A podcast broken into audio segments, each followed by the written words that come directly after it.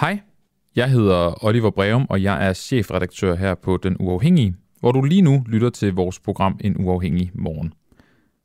Jeg vil bare lige minde dig om, at øh, vi sender live hver morgen fra 7 til 9 på vores app, på vores Facebook-side og på vores YouTube-kanal. I vores app, der kan du ud over morgenprogrammet også lytte til vores andre programmer.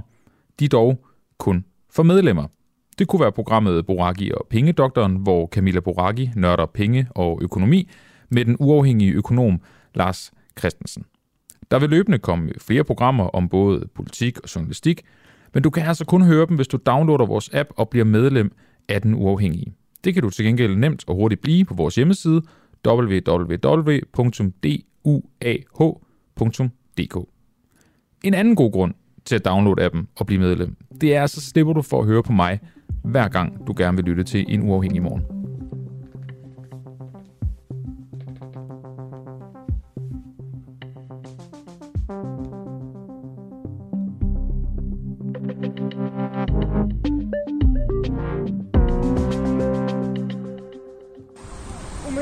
мене трясуться руки, тому що я щойно побачила, як летить ракета. І я почула це.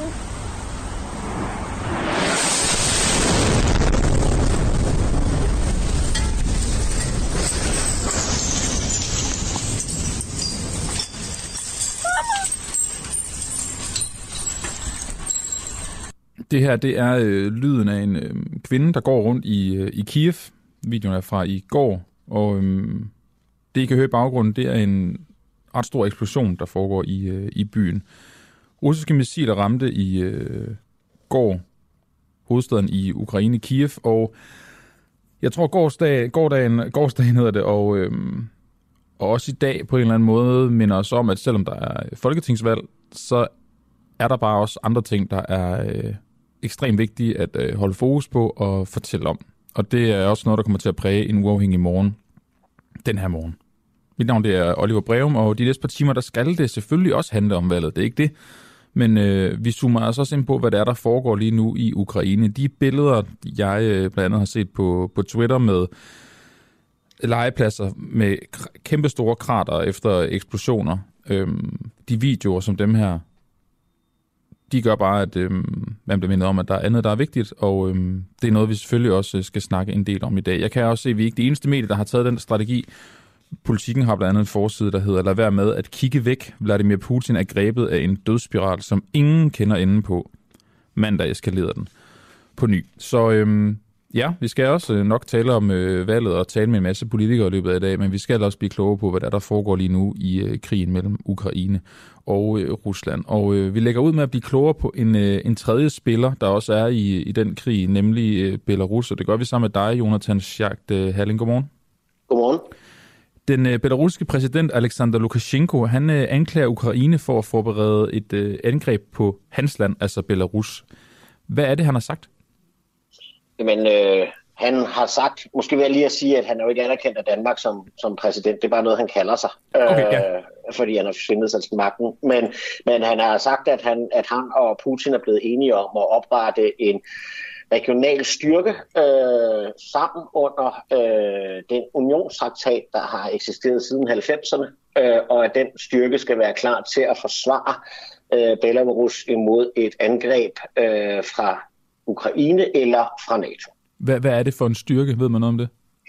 Jamen, det skulle være en, en, en, en, en kampklar øh, styrke. Vi ved ikke noget om, om størrelsen i, endnu, øh, men, men den skal placeres i det, der bliver kaldt det vestlige Belarus, og skal bestå af altså både øh, belarusiske og russiske øh, soldater, der skal stå klar.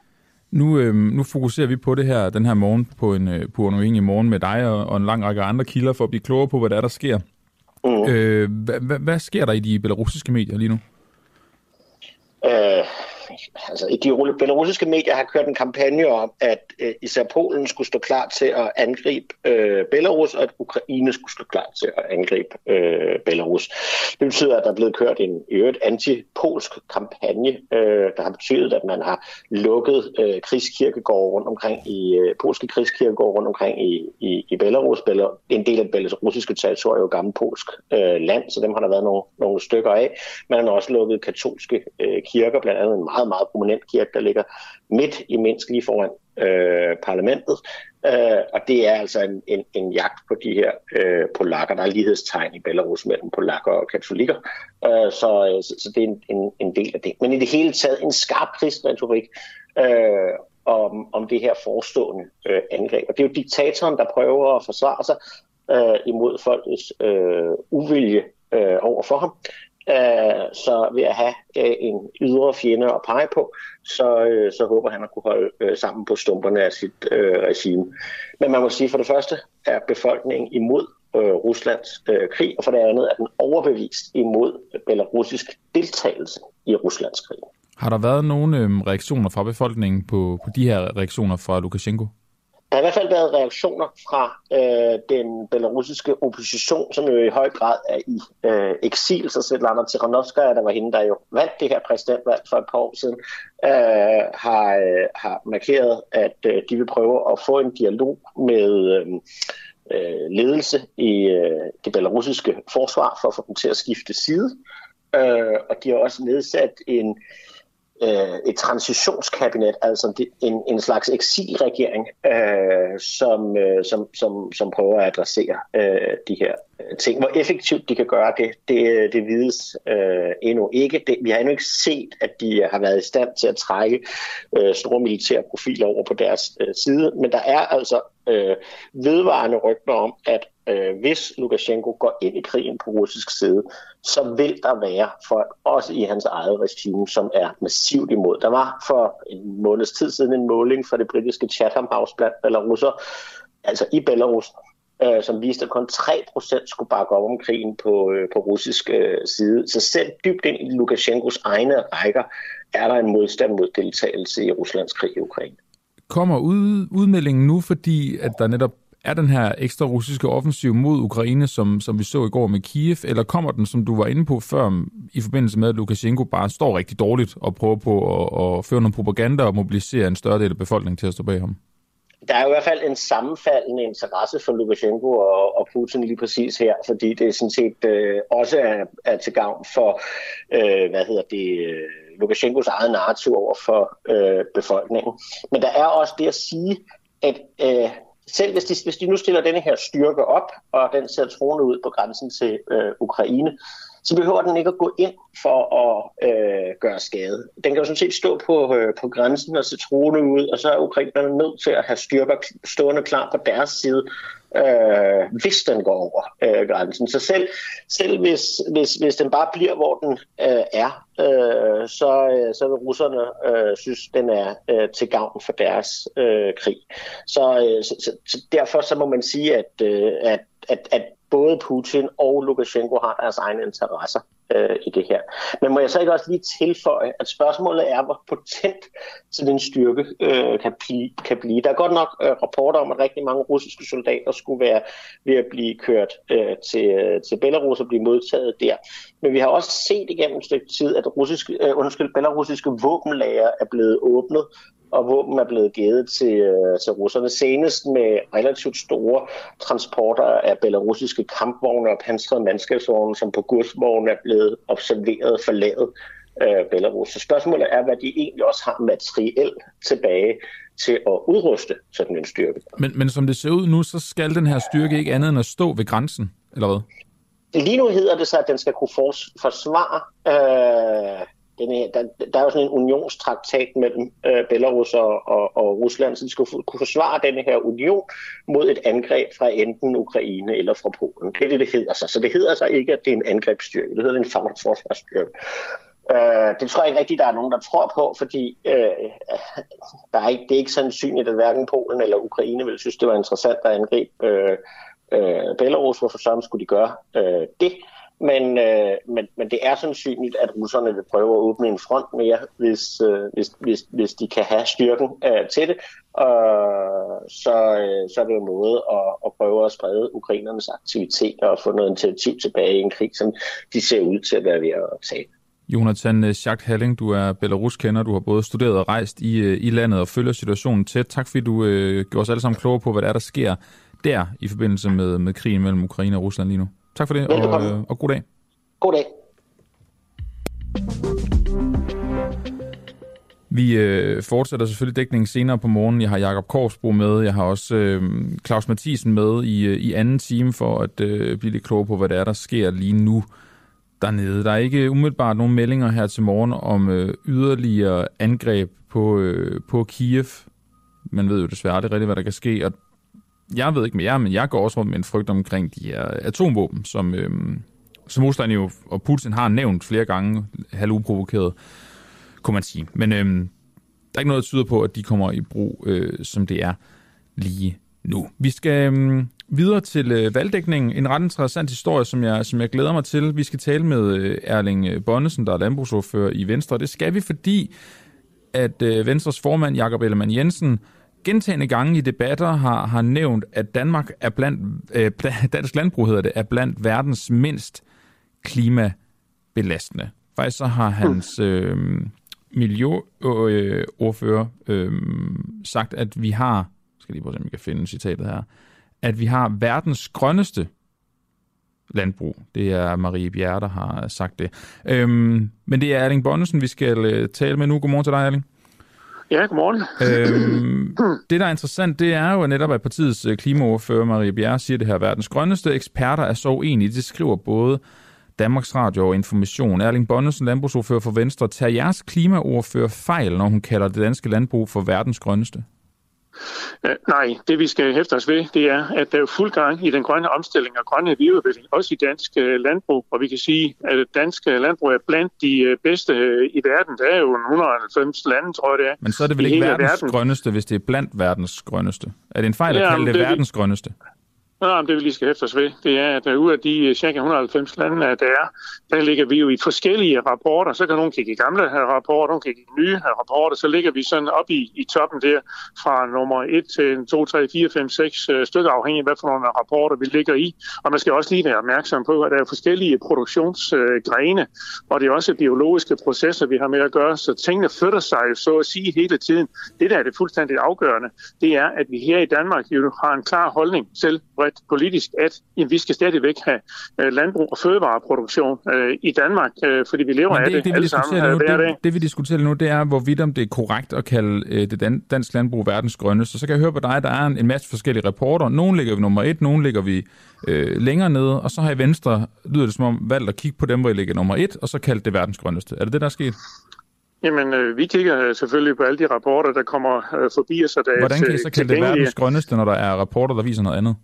Jamen, øh, det kan vi da, fordi øh, når der ligger så mange forskellige rapporter, og hvis man lytter lidt til, hvad man øh, siger, så er der netop øh, rapporter, der siger noget forskelligt for de ting, der flytter sig øh, hele tiden.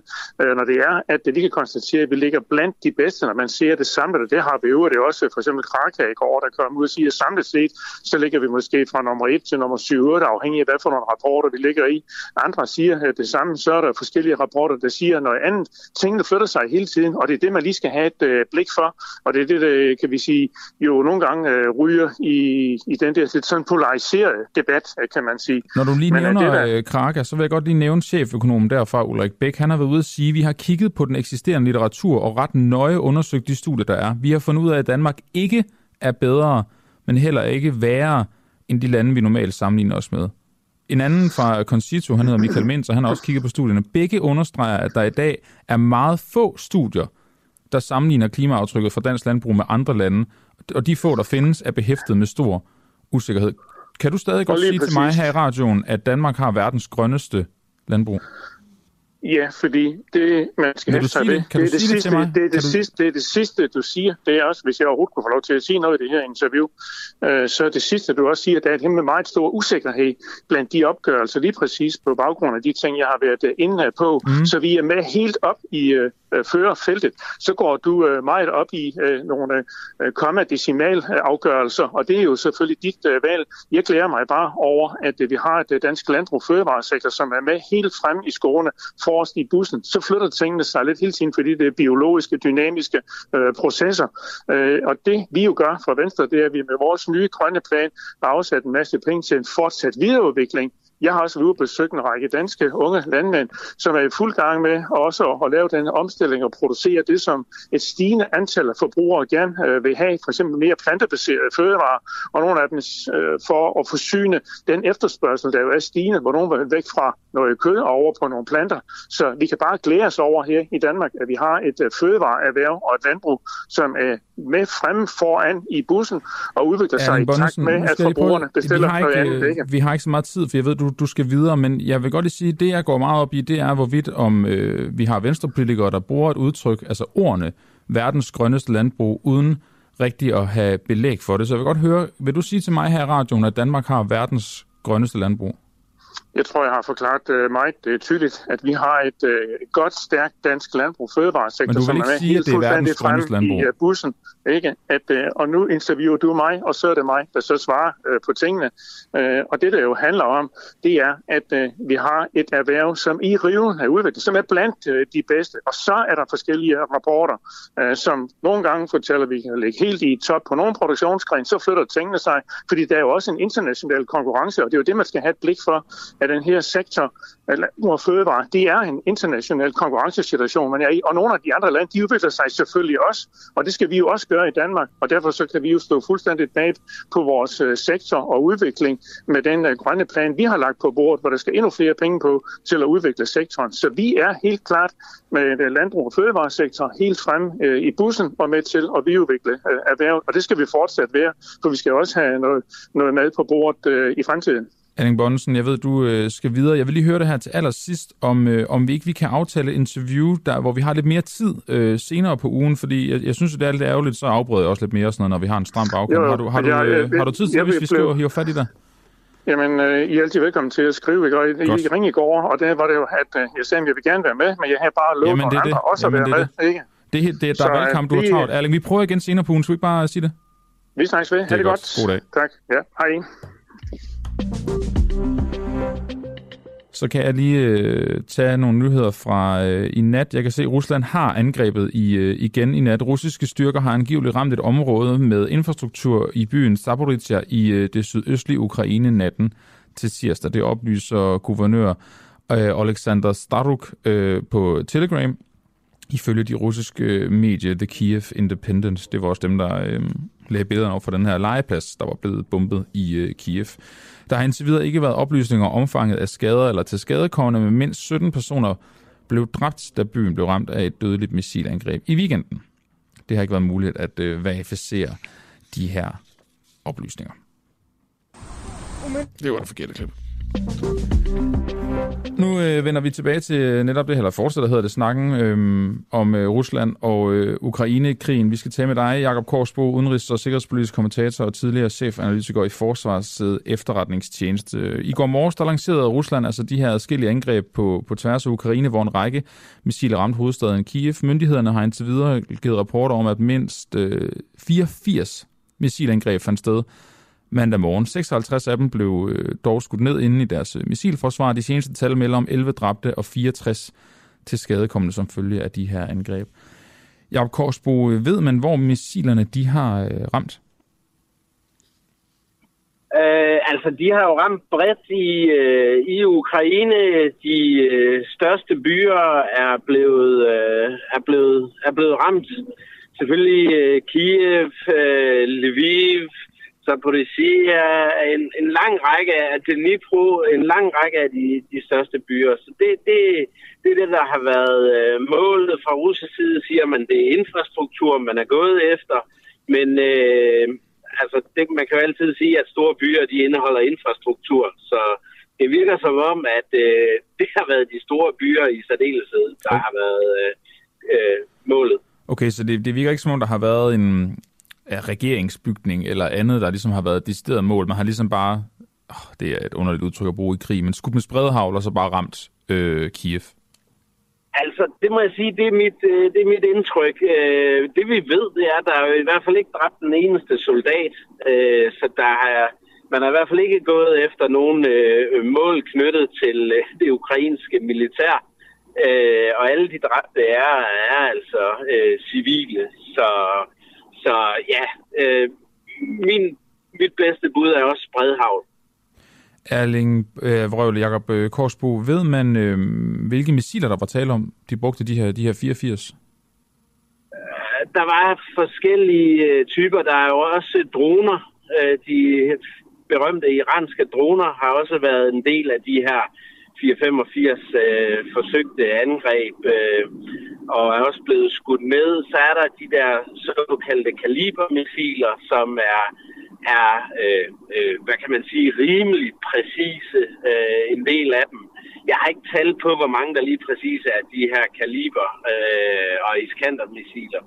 Men, øh, men så mit bedste bud er også, at der er brugt nogle mindre øh, præcise øh, typer. Jeg kan jo ikke sige, at dødstallet efter det russiske angreb i Ukraine i går, det er faktisk steget nu til, øh, til 14 dræbte og, øh, og 97 personer meldt såret. Øhm, kan man kigge på typen af missil i forhold til, om det er nogen, de ligesom har tiltænkt at ramme Kiev eller en by? Altså er der forskel på øh, de, de missiler, de bruger, i øh, alt efter hvad det er, de gerne vil ramme? Øhm, altså, man kan jo sige, at de her øh, missiltyper, som russerne har, der er de mest avancerede, de er jo ikke så præcise som for eksempel øh, HIMARS eller de her Atacams øh, og de mest moderne vestlige med, med den nyeste GPS-teknologi. Men en del af dem, de, de er i hvert fald rimelig præcise. Det er der, vi ved, at de russiske øh, hvad kan man sige, lager af, af den type øh, missiler er, er ved at være ret lave. Øh, og det er typisk jo nogen, man gerne vil bruge efter militærmål, fordi de er relativt præcise. Mm. Så, så det er typisk noget, man gerne vil undgå at bruge til at ramme øh, sådan som spredhavl, øh, kan man sige. Ikke? Men, øh, men det virker det altså, som om man bare har gjort i går for at, at gøre et eller andet. Men det, det var netop det, jeg tænkte, om, om man kunne hvad kan man sige, sige noget om Ruslands position og situation i, øh, i krigen i forhold til deres udstyr og artilleri på baggrund af, af, af det angreb, der fandt sted i går?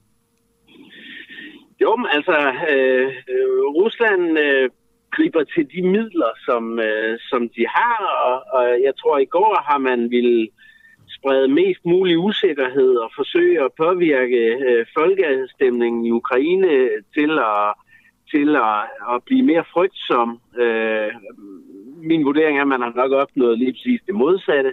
Øh, men, øh, men, men det er det, der har været intentionen, og, øh, og, og som sagt, øh, vi har jo set ude i de østlige byer, hvordan øh, russerne har forsøgt at bruge luftværnsmissiler. Øh, øh, de her SAM-300 blandt andet øh, øh, til at ramme byer med for at terrorisere Mykolaiv og Zaporizhia og, og den type byer. Øh, simpelthen fordi de ikke har ret meget øh, øh, øh, at skyde med, så bruger man de her luftværnsmissiler, fordi det er dem, man har flest af. Øh, så det tyder også på, at, at, at ja, øh, de russiske forsyninger af, af avancerede missiltyper og sådan noget er lavet. Øh, øh, artilleri kan du ikke rigtig bruge til det her på grund af distancen, øh, men øh, ja, så der har de nogle begrænsninger. Nu nævnte jeg i, i begyndelsen af morgen det her med, at Putin jo også i, i forbindelse med en af hans taler har luftet det, at han har atomvåben øh, i, i Moskva og i, i Rusland. Kan, kan man sige noget om, hvorvidt det her russiske modangreb øh, på Ukraine er et udtryk for, om man øh, i Kreml vil gå atomvejen eller ikke? Øh, Nej, det synes jeg ikke rigtigt, fordi øh, altså, der vil jo sandsynligvis komme meget fordømmelse ud af det her øh, terrorangreb. Øh, øh, men øh, jeg, vil, jeg vil sige, at øh, altså, øh, masseudlæggelsesvåben er et helt andet scenarie, og det vil være et helt andet pres og en helt anden isolation, der efterfølgende vil komme af, af Putins øh, regime, hvis hvis de, kan, hvis de beslutter at, at, at bruge atomvåben. Det er noget, jeg anser som stadigvæk øh, en lav risiko for, øh, fordi det, det vil simpelthen isolere dem og gøre dem til endnu mere en pariastat, end, øh, end de er allerede. Man kan sige, at det her er selvfølgelig også en eskalation, men altså jeg er ikke overrasket over, at, at Rusland gør det her på nogen måde.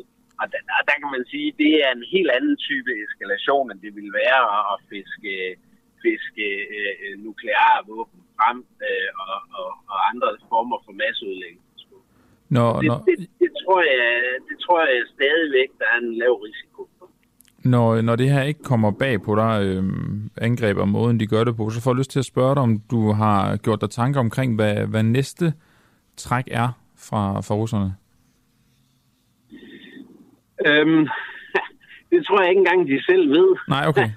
Fordi øh, de er jo de er jo presset på alle ledere og kanter, øh, og jeg tror, der selv er flere og flere af dem, som er, er ved at indse, øh, øh, indse det.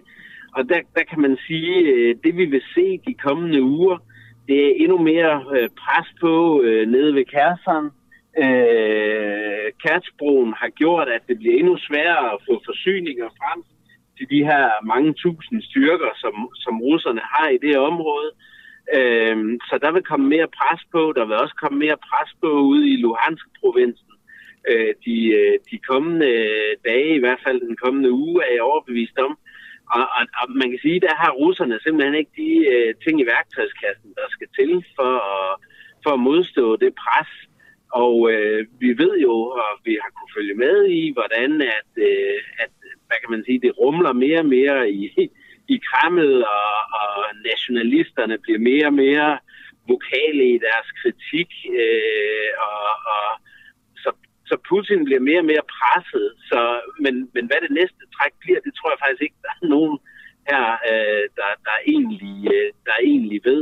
Øh, mange gidsner selvfølgelig om det her med atomvåben, men som jeg siger, det er den, øh, den sikre øh, vej øh, til, undskyld mig udtrykket, helvede for øh, den, der må træffe den beslutning, også hvis det var Putin. Og det er ikke en udvej, som, som nogen mener, det vil være. Øh, det er ikke en udvej for Rusland, og derfor tror jeg heller ikke, det kommer til at ske. Men, øh, lige lige men, kort her til allersidst, Jacob Korsbo. Øh, når, når du siger det her, så får jeg lyst til at spørge dig om, øh, om det her angreb, vi så øh, i, i går, øh, måske heller ikke var så planlagt fra russernes side, men ligesom bare var en, en, en hurtig reaktion på den her brug, som øh, ukrainerne sprang i luften ved, ved Krimhalvøen? Ja, altså ukrainerne har været ude og, og sige i går, at øh, de har opsnappet efterretninger om, at det var planlagt lang tid i forvejen. Og derfor er gennemført uafhængig af, af, af Kertsbroen. Øh, øh, Men øh, det ved jeg ikke. Det tvivler jeg faktisk selv lidt på, fordi øh, det kan godt være, at, at det har været planlagt, at man kunne gøre det. Øh, men øh, jeg, tror, jeg tror i hvert fald, at man i givet fald har fremskyndet det så til at, at skulle ske som, et, øh, som en respons på, på, på Kertsbroen. Øh, så, så lige præcis, hvad der er fodboldfakta der, det er faktisk, øh, det er faktisk svært at, at, at sige. Men, bottom line er også lidt, at, at russerne kan ikke fortsætte sådan en terrorkampagne. Så det, det har de faktisk ikke uh, rigtig kapacitet uh, til. Jakob Korsbo, udenrigs- og sikkerhedspolitisk kommentator og tidligere chef-analytiker i Forsvars efterretningstjeneste. Tak fordi du var med her til morgen, og god dag. Ja, lige måde.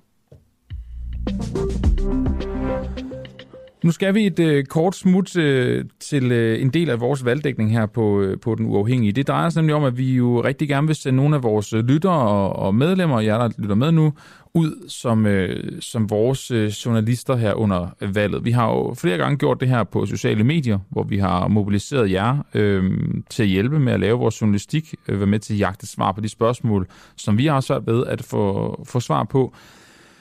I går hørte vi fra øh, Rune, en af vores øh, rapporter ude i, ude i virkeligheden, han, øh, han bor i Odense, og, øh, og var med til det her valgtræf i søndags, som, øh, som TV2 de, øh, de afholdte, hvor han øh, talte med en øh, række politikere.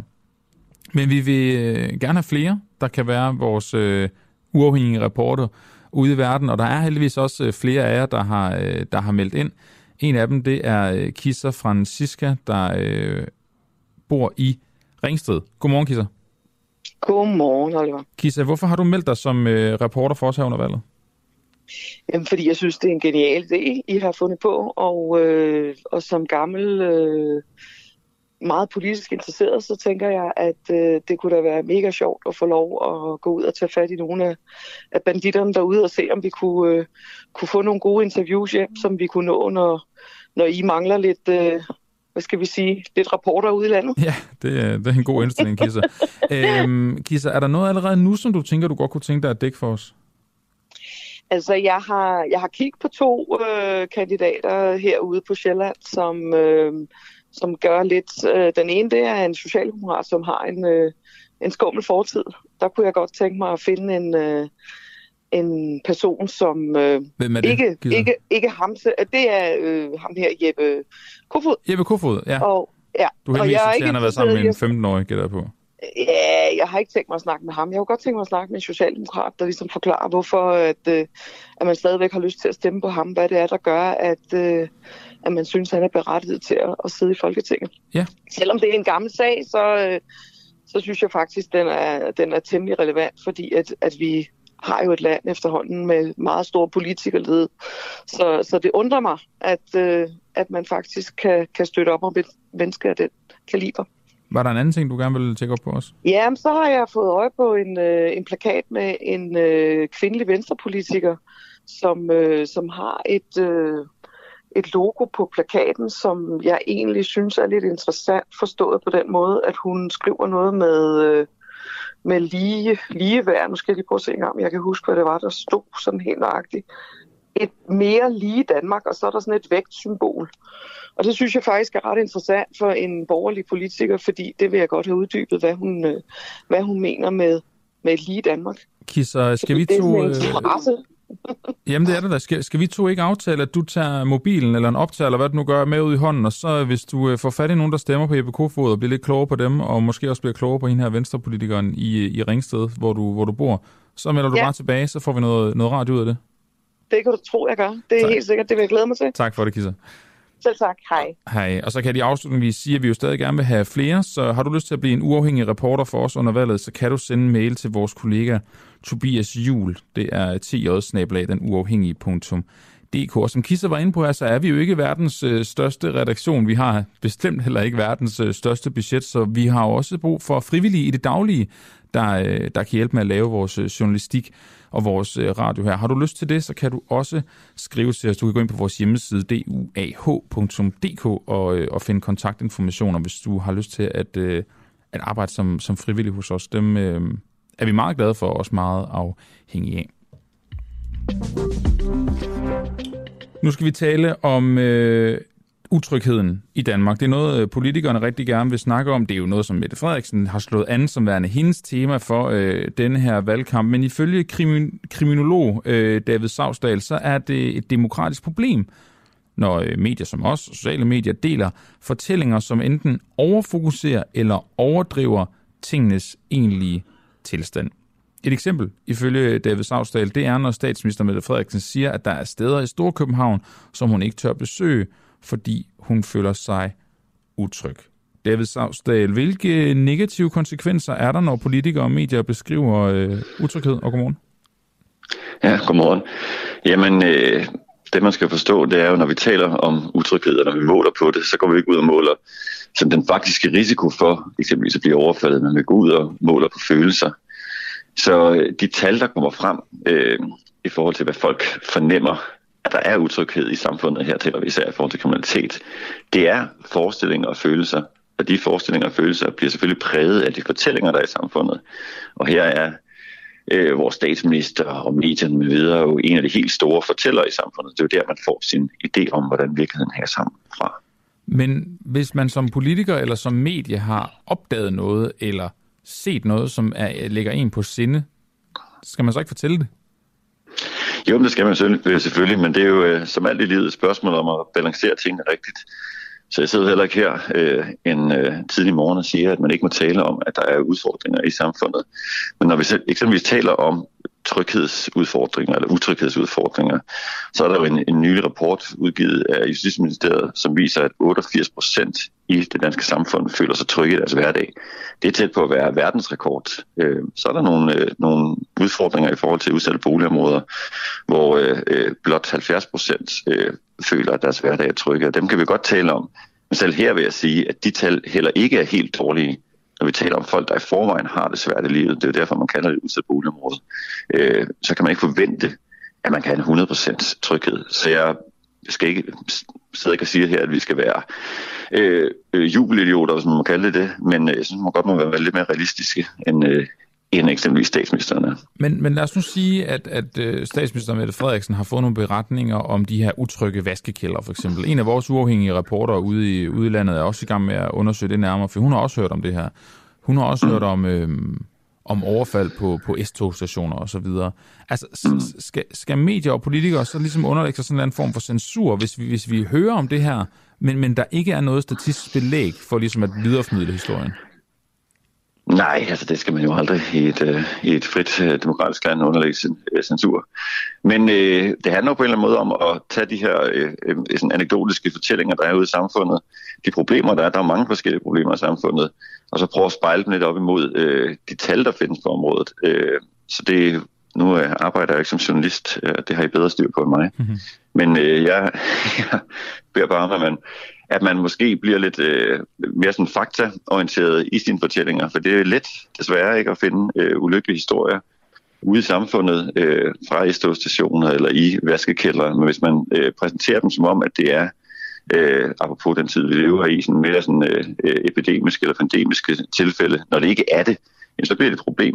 Så hvis man har en, øh, hvis jeg skal konkret anbefale noget, hvis man har sådan en artikel, til her er nogle problemer, så kan man prøve at præsentere øh, de problemer op imod de tal, man har på området. Eksempelvis, her, her er en udfordring på efterstation, dog kan vi ikke se på tallene, at der er en stor stigning i overfald på efterstationer. Og så må det jo være op til folk ude i samfundet øh, at læse en artikel og øh, danser sin egen mening, men på den måde får man i hvert fald en lidt mere realistisk beskrivning af udfordringerne, i stedet for den her, mener jeg, sådan øh, overfokusering eller overdramatisering af problemerne. Men tror du ikke, det sker allerede nu? Altså, når jeg hører Mette Frederiksen sige, der er steder i København, hun ikke øh, tør gå, hun er øh, ikke, eller hun, der er nogen, øh, der har utrygge vaskekælder, så tænker jeg med det samme, okay, jeg kan ikke nævne et sted i København, hvor jeg i hvert fald har min hverdag, hvor jeg er, er bange for at gå. Min vaskekælder er også øh, fin. Den er lidt beskidt, men den er fin. Mm. Tror ikke, det sker allerede, at folk læser øh, historierne, de hører på politikerne, og så kan de allerede nu kigge på sit eget liv, tage en vurdering. Nå, det er ikke meget at snakke om. Det er ikke noget, jeg har oplevet. Det er jeg ikke enig i, eller hvad det nu kan være. Jo, sådan skulle man tænke, men øh, det er ikke det, som forskningen siger. Øh, og det, det er også øh, det, som forskningen peger på, det er, at visse personer i særlig grad bliver påvirket af det. Øh, det er sådan eksempel. Nu har jeg selv været med til at lave nogle tryghedsundersøgelser i tidens morgen øh, ude på, øh, på Vestegnen, den københavnske Vestegn. Øh, og det, du møder der, du kan også, hvis du taler eksempelvis med nogle af de politifolk, der taler med øh, folk derude, det er, at de møder øh, øh, fru Jensen øh, eller fru Hansen, taler med hende, og det som hun siger, det er, at jeg går ikke ned i netto, det synes jeg er for farligt, jeg er bange for at blive overfaldet. Så siger man til øh, fru Jensen, øh, nu skal du høre her, her har vi statistikken, der har aldrig nogensinde været et overfald på en ældre kvinde i det her område, øh, så du har ikke noget at frygte. Men alligevel går hun ikke ned i netto. Og hvorfor? Jamen, det fortæller noget om, at frygten øh, ikke er rationel, den er øh, faktaresistent i nogen grad, øh, og den især bunder sig på, øh, eller bygger på de fortællinger, som fru Jensen øh, udsættes for. Blandt andet, når hun øh, tænder for radioen, eller læser avisen, eller taler med sine øh, venner og veninder i øh, den lokale britsklub. Så derfor så betyder det noget, de historier, vi fortæller. Øh, så det her er jo ikke et spørgsmål om enten eller. Jeg forstår godt dine spørgsmål om, at man ikke skal have lov til at kunne fortælle om de problemer, der er i samfundet. Men det er jo et eller andet spørgsmål om at, spørge om, hvornår skal man fokusere på håret i suppen, og hvornår skal man fokusere på andre og større udfordringer i samfundet. Så eksempelvis øh, har jeg jo også skrevet et lille indlæg på videnskab.dk om de her ting. Det er også det, vi taler sammen, tænker jeg. Øh, hvor, hvor jeg undrer mig lidt over at vi har fået en rapport, som jeg læser som meget flot. Altså, det er sådan, øh, I forhold til mit arbejde, tænker jeg, hov, det var da nogle flotte tal. Næsten 90 procent af danskerne føler sig trygge. Det kan nærmest ikke blive bedre. Og når jeg så ser, at den tekst udlægges af vores justitsminister og statsminister og videre, så kan jeg undre mig over, at noget, der bliver en positiv, eller noget, der jeg synes er en positiv historie, øh, bliver fremlagt så negativt. Så sagens kerne, synes jeg, er, øh, hvad er det, der skal på dagsordenen, både i pressen, men selvfølgelig også øh, øh, øh, fra politikernes side. Skal vi fokusere så meget på de her øh, øh, problemer, som der, som der er? Ja, der er jo 10 procent, der ikke er trygge. Der er også endnu flere ude i udsatte boligområder. Men er det et så stort problem, som det fremlægges som? Og der vil jeg sige, nej, ikke umiddelbart. Det er svært at finde hverken sådan tal, der, der beskriver det, og heller ikke større, sådan, mere kvalitative undersøgelser. Så det, det jeg hørte dig sige, det er, fra, fra mediernes side af, så øh, kunne en løsning være, nu har vi øh, den her uafhængige reporter ude, der, der taler med, med folk, der, der er utrygge i deres vaskekælder og så videre, så vil det klæde mig, at jeg, jeg til sidst i det oplæg som siger, generelt er trygheden øh, så og så høj, den har faktisk aldrig været højere et eller andet, for ligesom at nuancere den fortælling. Hva, men, det skal Ja, det, det, det er et bud på en løsning, som jeg hørte dig, der sige det her. Hvad, hvad, hvad skal politikerne gøre det samme? Altså, når Mette Frederiksen står og siger, at der er utryghed i vaskekælderen, så skal hun slå talen af med at sige, øh, i øvrigt så er der øh, øh generelt stor tryghed. Jeg bestemmer ikke, hvordan øh, Mette Frederiksen og andre laver deres politik. Øh, Nå, nej, men det er jo mere om, det, om, hvis, om, hvis, om det er en retorisk løsning på, på det, du siger med, at, at du, du siger, at der bliver min, skræbt en frygt og en ja, utryghed, der ikke ja, men, men, hvis jeg skal bide rigtigt til bold, ikke? nu et af, at man skal selvfølgelig undersøge, er det så stort et problem, som det er. Mm. Øh, mit, mit bud, og nu sidder jeg her ved et skrivebord og laver poster, det er et skrivebordsbud, men øh, bygget på min egen erfaring, og det, ja. det læser, det er, at det ikke er et så stort problem, som man øh, øh, bygger det op til. Jeg forstår godt, man går til valg øh, på øh, tryghedsspørgsmål, kalder det tryghedsvalg, når vi taler om, at der er krig i Europa, der er klimaudfordringer, folk har ikke nok penge på lommen til at betale deres regninger, osv.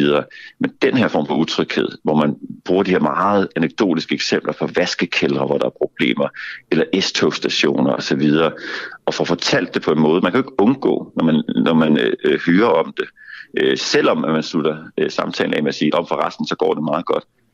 Øh, at få en fornemmelse af, at her er der et stort problem, og det bliver også fremlagt sådan. Det er jo forkert at sige, at politikerne fremlægger som om, at det er et, et mindre problem. Det bliver jo taget op, hvor man mm. går ud fra, fordi man ser det som et større, stort problem i Danmark.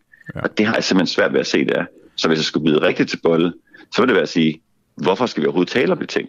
Det er et lokalt problem. Det er selvfølgelig øh, forfærdeligt, at der er nogen, der ikke kan gå ned i deres vaskekælder og, øh, uden at føle sig utrygge. Men spørgsmålet er, sådan, hvor, hvor, hvor stort eller småt skal et problem være, før det bliver noget, som statsministeren skal tale om øh, burde det ikke være i nogen grad noget, som man løser i de her lokalsamfund? Er det ikke en opgave for politiet og andre at tage hånd om dette? Øh, forholdsvis, i hvert fald når man kigger på tallene, et lille problem. David Savsdal, Ph.D. i kriminologi og adjunkt på øh, Lunds Universitet. Tak fordi du var med til at øh, belyse den her retorik omkring utryghed i Danmark i forbindelse med valget. Og god dag. Det var Ja, god dag. Hej. Skal Danmark sælge Ørsted? Det skal de. Ifølge Venstres øh, 2030-plan, så bør den danske stat sælge sin andel af Ørsteds internationale vindmølleforretning for at få råd til øh, grøn omstilling. Både øh, Socialdemokraterne, Moderaterne og SF, de har allerede været ude og øh, afslået, øh, af, givet afslag til det her øh, forslag, der altså øh, lægger Ørsteds del af dansk elproduktion i andres hænder. Er det, øh, Ja, og det skal vi diskutere nu med, med netop øh, Venstre, der er kommet med det her forslag. Carsten Kismeier, øh, energi- og forsyningsordfører i Venstre. Godmorgen. Godmorgen. Carsten, nu er I kommet med det her forslag om, at Ørsted skal sælge. Så kunne jeg jo godt tænke mig at høre, hvem I forestiller jer så kunne være en mulig køber.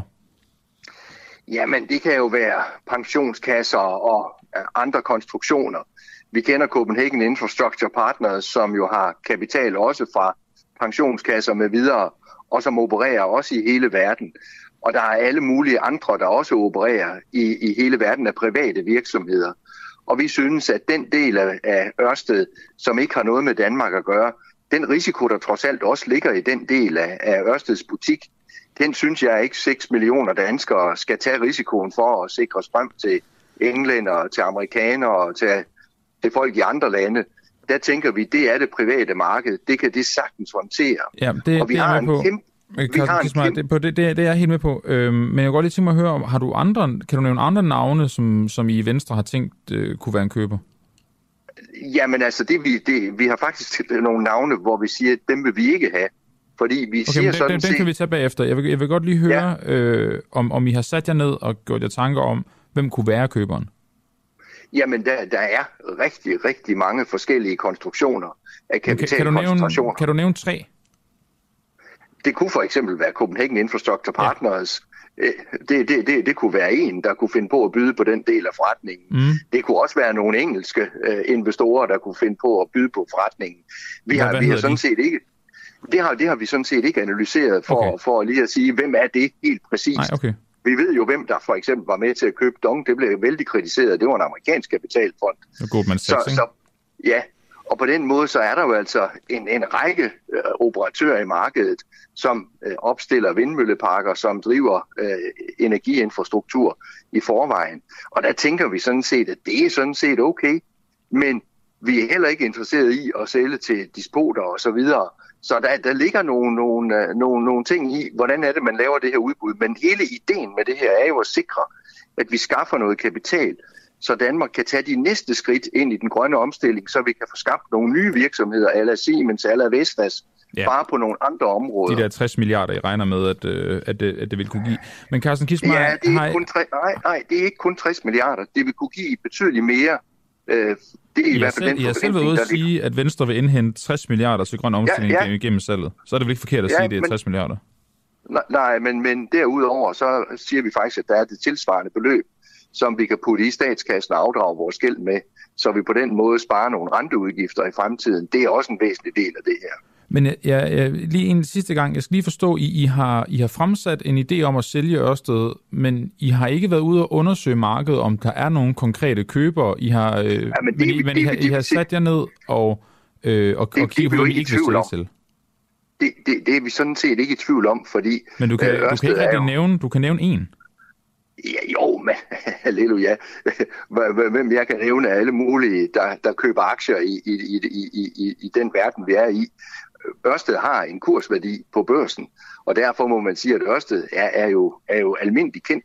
Så det vil der være investorer rundt omkring, der gør. Og derfor vi er ikke bange for, at der ikke er nogen, der vil købe den. Vi vil selvfølgelig ikke sælge den for en slik. Er det, er det en god forretning lige nu for den danske stat at sælge øh, Ørsted lige nu?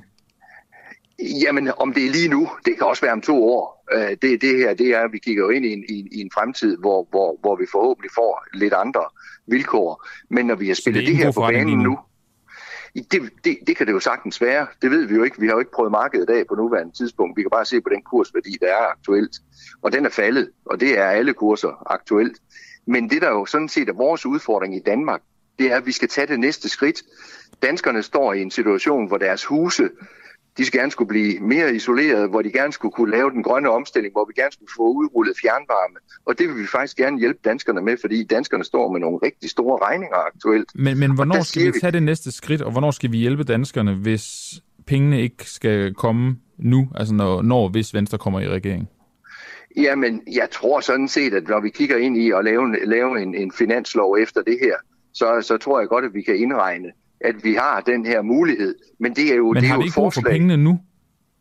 Jo, men, men, men essensen er jo bare, at uh, lige nu, øh, der er der jo ikke et flertal for det her. Det, det, det er et forslag, og, og når vi kommer, og et nyt folketing er sammensat, så må man jo se, hvad Folketinget vil. Vi kommer bare med et forslag, hvor vi siger, det her det er en mulighed.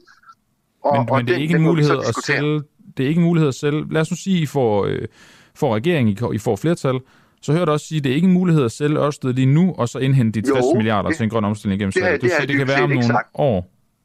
Jamen, hvis markedet vil købe nu, så, så vil vi jo gerne sælge. Men hvis markedet ikke vil købe, så, så er det da klart, så vil det være dumt at sælge. Men hvor skal vi så finde så, de milliarder, der skal bruges på, på den grønne omstilling, du snakker om, hvis vi skal vente to-tre to, år? Jamen, så bliver vi jo nødt til at vente og, og sige, hvordan Men ser det så det? ud.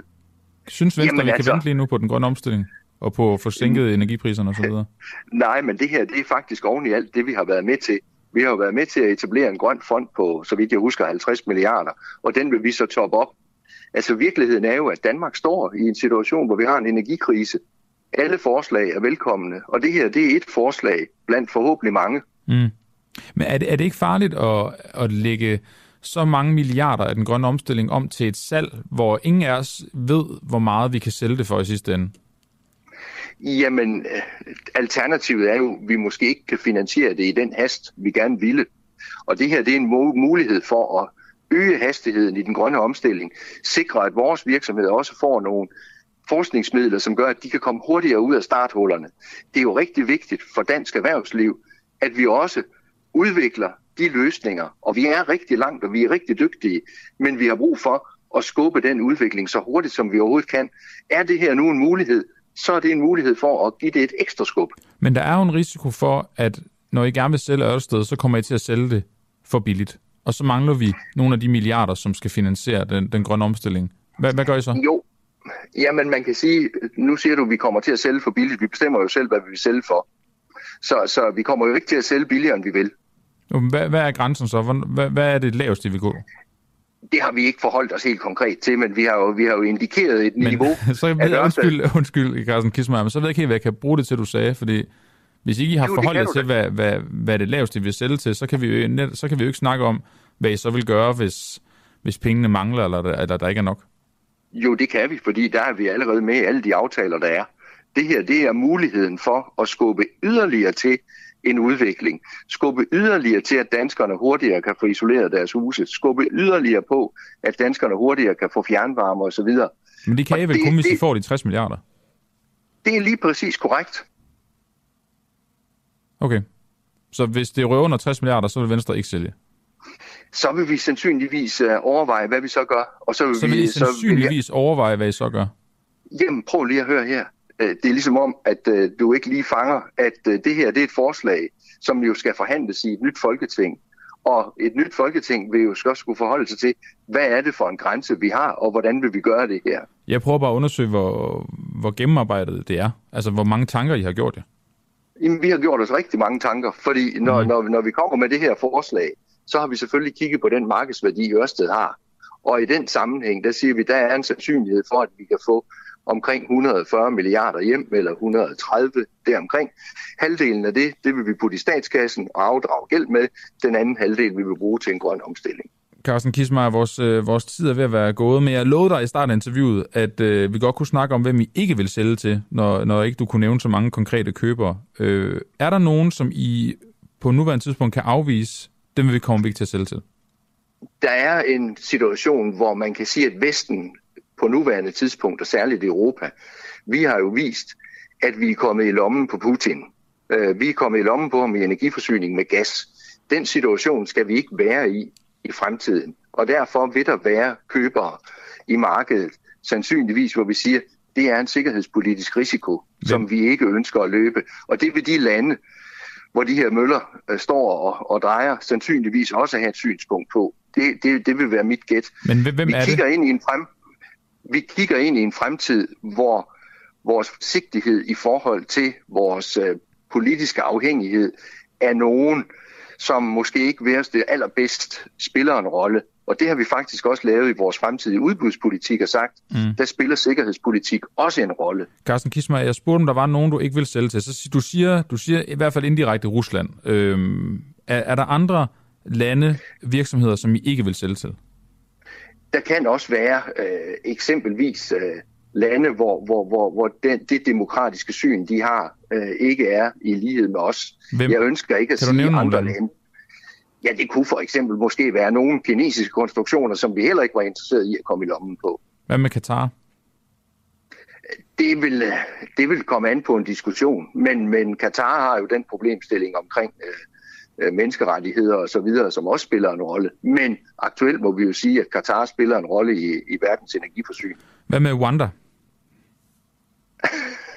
det ved jeg ikke rigtigt. Øh, okay. Det, her, det, her, det har jeg faktisk ikke forholdt mig til. Jeg er ikke sikker på, at der er så mange penge dernede, så, så det spiller en rolle. Okay. Carsten Kismeier, tak fordi at, uh, du var med til at uh, tale om det her mulige salg af Ørsted, hvis det står til jer i, uh, i Venstre. Og god morgen. Ja, god morgen. Vi øh, fortsætter i øh, valgdækning, og så har vi øh, nu et interview med beskæftigelsesminister Peter Hummelgaard. Det har vi i forbindelse med, at vi jo her på Den Uafhængige har holdt fast i vores fokus på at få konkretiseret den her uendelige snak om afbiokratisering, der er lige nu under valget. Der findes nærmest ikke et parti eller en politiker, der ikke mener det her. Jeg kan tilføje, at der findes nærmest ingen politiker eller parti, der ikke har ment det her siden øh, starten midt 80'erne, da Poul Slytter første gang åbnede munden omkring det her. Vi stiller bare spørgsmålet, hvilke stillinger er det så, der skal forsvinde, og hvordan skal de forsvinde, når det offentlige skal afbiokratiseres, for det kan vi jo forstå, at de skal. I den forbindelse fik vi altså et interview med øh, Peter Hummelgaard, Socialdemokratisk beskæftigelsesminister. Regeringspartiet, netop Socialdemokratiet, de vil blandt andet skære 2,5 milliarder kroner i kommunernes administration. Så jeg spurgte i går Peter Hummelgaard, om øh, afbyråkratisering kommer til at betyde, at nogen kommer til at miste deres job. Vi har sat os øh, et måltal, øh, der hedder, at vi gerne vil afbyråkratisere i kommunerne for 2,5 milliarder kroner, øh, som så, hvad kan man sige, skal geninvesteres i borgernær velfærd i kommunerne. Altså det vil sige, at det er ikke penge, vi tager fra kommunerne, de skal genanvendes til, til velfærd i de selv samme kommuner. Vi peger på en række forskellige sådan værktøjer til det. Øh, for det første øh, jo et, øh, et regelstop øh, fra, fra Christiansborg og Folketingets side. Derudover så mener vi, at der er grundlag for at fjerne i hvert fald halvdelen af registreringerne i, øh, i ældreplejen. Og, øh, og dertil så mener vi faktisk også, at der i det hele taget er rigtig meget at komme efter ved en større frisætning af øh, kommunerne. Er der nogen i forbindelse med, med de ting, du nævner her, er der sådan nogle stillinger, som skal nedlægges i forbindelse med afbyråkratiseringen? Der vil i hvert fald nok, altså jeg tror, det er uomtvisteligt, at der vil være stillinger, der skifter funktion. Hvad for nogle kunne det være? Jamen, altså, det, det, kunne da, det kunne da sagtens være, at, øh, at der er øh, nogle, øh, nogle, øh, nogle HK'er, der skal være i HK-job frem for akademikere, der skal være i HK-job, bare for at nævne et eksempel. Øh, Øh, det kunne da sikkert også sagtens tænkes, at, øh, at, man kan, at der er en hel del at spare ved, at, øh, øh, at i stedet for, at man har en masse, øh, som jo i de her tider ofte er akademikere til at sidde og øh, processe de registreringer, der foregår, enten det er i ældreplejen eller det er andre steder. Øh, altså, så jeg tror helt grundlæggende, så, øh, så, så vil der jo være en forskydning af de stillinger. Men vil det betyde, at der er HK og akademikere, der så skal ind og være for eksempel i, i ældreplejen i stedet for? Nej, jeg tror nærmere, du skal se det som, at der vil være flere timer, der skal bruges. Blandt andet for en sosu øh, medhjælper eller assistent, eller for den sags skyld for en pædagog i daginstitutionen, der skal bruges sammen med børnene og sammen med de ældre, frem for ved computeren. Og hvad er det konkret for noget? Jeg kan også se, at I skriver flere steder, at der skal være mindre papirarbejde, mere omsorg. Hvad er det, hvad er det konkret for noget papirarbejde, som, øh, som I synes, der er for meget af? Jamen altså, øh, helt konkret, så kan vi jo se blandt andet i ældreplejen, at den enkelte socioassistent, og det er jo også noget, vi hører fra øh, sosuer, når vi er ude og besøge dem, det er, at de skal bruge, enten de er i den udkørende del af ældreplejen, altså hvor de kommer hjem hos borgeren, eller at de er på et plejecenter, så skal de bruge rigtig, rigtig meget tid på at, øh, at registrere alting. Noget af den registrering er jo selvfølgelig nødvendig for at kunne følge den enkelte borgers udvikling og enkelte borgers sag, men der er også rigtig mange af registreringerne, øh, som vi lader os fortælle i hvert fald, som er meget nødvendige og som bunder jo også i en mistillid til, om den enkelte velfærdsmedarbejder rent faktisk øh, udfylder sit, sit job ordentligt. Og det kunne vi godt tænke os at øh, rydde op i, og der har vi et måltal om, at i hvert fald halvdelen af de registreringer skal, skal fjernes. Og det vil jo så frigive tid, kan du sige, uden at det har kostet en stilling, men vil frigive timer, der bliver brugt øh, hvad hedder det, foran computeren, og i stedet øh, give øh, det, man kalder øh, ansigt-til-ansigt-timer i stedet for. Men jeg hører, jeg hører ikke afvise, at der kan være nogen, der måske udelukkende sidder og laver administrativt arbejde, der kan miste deres job til fordel for, at man så kan få nogle flere ind i ældreplejen? Ja, men og så er der jo heldigvis rigtig mange andre steder i den offentlige sektor, hvor vi lige nu har brug for rigtig mange ad- dygtige administrative medarbejdere. For eksempel så øh, forsøger vi jo med, med al vold og magt at rekruttere øh, op mod 1000 nye administrative kontrolmedarbejdere i vores skattecentre øh, rundt omkring. Øh, altså, så, så jeg tror, jeg vil jo jeg vil jo lyve, hvis ikke, at når man afbiokratiserer, også giver en forskydning af, hvad det er for nogle jobfunktioner, der bliver lagt væk på. Og det er jo sådan set også hele meningen. Altså noget andet kunne for eksempel også være kommunikationsstillinger eller lignende. Øh, men, men det vil jo være, øh, det vil jo være både øh, naivt og øh, også forkert at påstå, at der ikke vil ske en forskydning i jobfunktioner, når vi siger, at vi gerne vil skære byråkrati ned for 2,5 milliarder kroner, og så i stedet bruge 2,5 milliarder kroner mere i ansigt-til-ansigt-tid og borgerne af velfærd. Så, så hvis man sidder og har et, et, lad os bare sige, kommunikationsarbejde ved et plejecenter eller ved en kommune, så kan man godt frygte for sit job, hvis, øh, hvis I genvinder regeringsmagten? Jeg tror generelt, man skal lade være med at frygte øh, for sit job. Før hvis du er... gerne vil skære byråkratiet og skære det, de laver, så er det vel sådan nogle jobs, der kan, der kan ryge. Men man, vi har omvendt set, at byråkratiet øh, og, og administrationen i vores velfærdssamfund er vokset rigtig, rigtig meget over de senere år. Og jeg tror altid, det er sundt at se med også et selvkritisk billede øh, og et selvkritisk blik på øh, på den udvikling, særligt når vi står i en situation, men hvor det kan, jeg godt, det kan jeg godt følge dig i, Peter Hummelgaard, ja. men, men, men det ændrer ikke på, at det du siger jo, vil kunne skabe en frygt hos nogen, der tænker, så er det mit job, der skal skæres væk, så der kommer mindre byråkrati. Jamen, jeg, jeg bryder mig ikke om, at nogen skal sidde og frygte noget. Øh, men, men det, man det vil man vel gøre, hvis man hører det her interview og sidder og arbejder med kommunikation, for eksempel? Jamen, så kan man omvendt sige, at hvis man er administrativ medarbejder afsted, det er jo ikke sådan, at vi skal have al administration væk. Altså tværtimod vil jeg nærmere sige.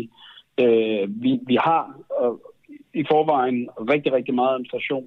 Det er en meget, meget stor udgiftspost, både i kommuner, regioner og stat. Det er så også en udgiftspost, der er vokset rigtig meget, blandt andet fordi, at vi fra Folketingets side også hele tiden indfører nye regler og nye krav om registreringer, nye proceskrav, der skal opfyldes. Øh, altså, så, så jeg tror, at, øh, at, at 2,5 milliarder i det store billede, det er jo selvfølgelig mange penge, men det er stadigvæk kun relativt lille andel af det, vi bruger i dag på, hvad kan man sige, øh, byråkrati i bred forstand og administration. Hvad, hvad skal de gøre, dem der kommer til at miste sit arbejde, hvis, øh, hvis I får lov til at lave den her øh, 2,5 milliarder kroners øh, besparelse i administrationen? Hvad de skal gøre?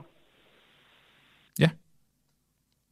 Jamen altså i første omgang, så skal de jo øh, afvente, at, øh, at vi udmyndter det her. Jeg tror ikke, der er nogen grund til at sidde på nuværende tidspunkt og frygte, frygte for sit job. I forvejen vil der jo i kraft af, at vi bliver flere, øh, både øh, ældre og børn og alt muligt andet, og i takt med også, at det offentlige forbrug stiger, vil der jo stadig være et stort behov for både administration og byråkrati, i hvert fald den gode del af det, i vores, øh, i vores offentlige sektor.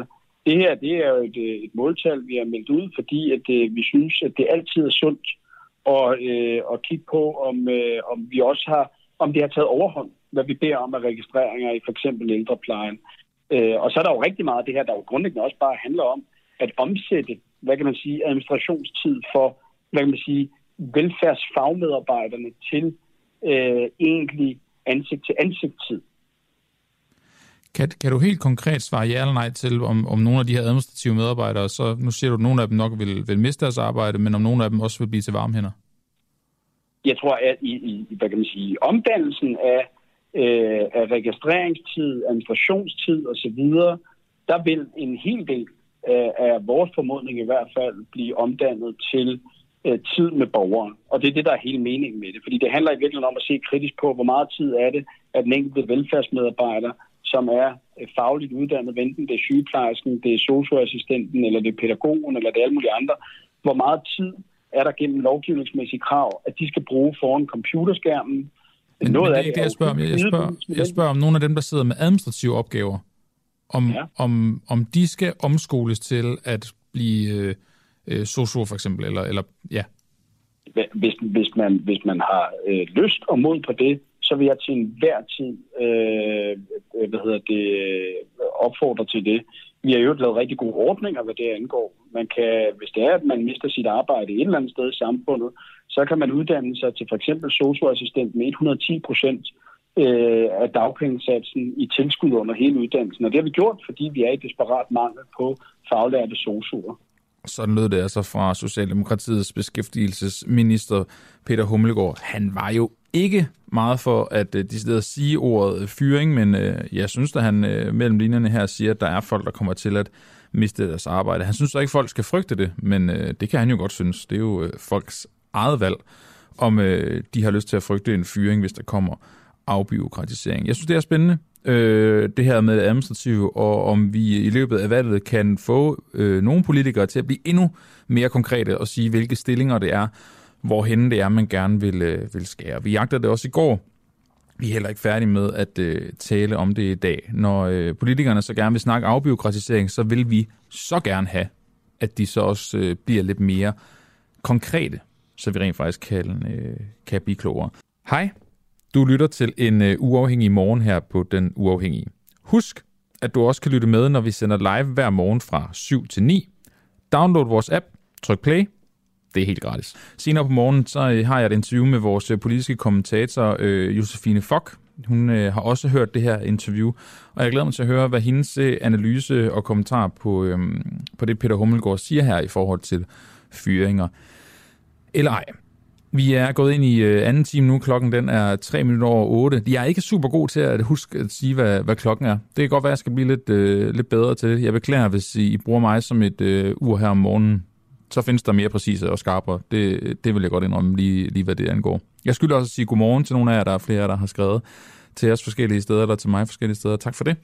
Godmorgen til jer. Også selvfølgelig vi, øh, vi skal her i, øh, i vores anden time selvfølgelig også tale mere om øh, det, der foregår i, øh, i Ukraine lige nu. Som sagt, så øh, er dødstallet efter øh, det her russiske angreb i Ukraine mandag steget til øh, 14. Der er 97 personer, der meldes såret. Og det var jo faktisk ikke kun Kiev, der blev ramt. Der var også øh, angreb og missilangreb i øh, Kharkiv, øh, Dnipro, Liev, Sumi, Zaporizhia og Shymtumir. Øh, de blev alle sammen ramt af eksplosioner, og flere af dem har, har som følger øh, af angrebet været under øh, uden hedder det, undskyld, vand og, øh, og strømforsyning. Nu øh, skal vi øh, fortsætte med det her. Vi skal tale med en, som øh, er øh, indgående, eller har et indgående hedder det, kendskab til øh, Ukraine og, og Rusland, og det bliver jo spændende at høre, ligesom, hvad, hvad vedkommende har oplevet, øh, og, øh, og hvordan det har været at, øh, at være dernede i, øh, i den forbindelse. Jeg kan lige nu at sige her, at den russiske viceudenrigsminister vil undgå konflikt med NATO og USA. Den øh, russiske regering er ikke interesseret i en konflikt med USA og NATO, men øh, det betyder ikke, at den er klar til at finde sig i hvad som helst. Sådan siger Sergej Rabkov, øh, som er viceminister i det russiske udenrigsministerie ifølge Ritzau. Vi advarer og håber, at de, altså USA og NATO, øh, fatter faren ved ukontrolleret eskalering i Washington D.C., USA's øh, hovedstad, og, øh, og andre vestlige hovedsteder. Ifølge Rabkov så, øh, og ifølge det russiske nyhedsbyrå RIA Novosti, så, øh, ja, og han understreger sig ud over det, at øh, Rusland vil besvare vestens involvering i konflikten i Ukraine med de passende modforanstaltninger. Nu øh, skal vi høre lidt nærmere om, hvad det var, der, øh, der skete i går. Det skal vi med øh, dig, Jens øh, Alstrup. Godmorgen. Godmorgen. Du er øh, reporter med indgående kendskab til både Ukraine og, og Rusland. Nu kom der det her øh, missilangreb på flere russiske byer i går. Der så betydet øh, eksplosioner og store ødelæggelser, man kan se flere af billederne. En af dem var i, øh, i Kiev. Øh, Jens Alstrup, hvor var du, da, da byen den blev ramt? Jeg var i bydelen øh, Podil, øh, som er i øh, centrum af byen, men øh, ikke meget tæt på eksplosionerne, men inden for hørbar afstand er det dog. Øh, og du så, er i så der befandt jeg mig på det tidspunkt. Det er vi enige om, ikke? Ja, det er jeg. Jo, øh, lige nu er jeg 70 km syd for øh, Kiev, og det var planlagt i forvejen, okay. jeg skulle køre i går. Så, så, men, øh, men jeg kom ikke afsted før, at, at eksplosionerne var der. Og så var der så historier om, at by, øh, bykernen blev øh, lukket af, og, øh, og derfor kom jeg sådan lidt senere afsted. Så det var, hvad der skete for mit vedkommende. Så, så må jeg sige, det, det overlever jeg jo nok. Det, det er jeg glad for at høre, du siger. Øh, Jens, altså, hvordan oplevede du eksplosionerne? Jamen, jeg oplevede det ved, at jeg blev vækket af dem om morgenen, så det var jo lidt af et vækkeur. Øhm, og, øh, og da jeg gik ned for at spise morgenmad, så flere af hotellets andre gæster sad øh, nede i beskyttelsesrummet, som også er der, hvor vi får øh, morgenmad. Og det var første gang, hvor jeg så, at beskyttelsesrummet var øh, brugt. Var der øh, store øhm, rystelser, øh, brag, lysglimt? Hvad, hvad var det, du, du oplevede?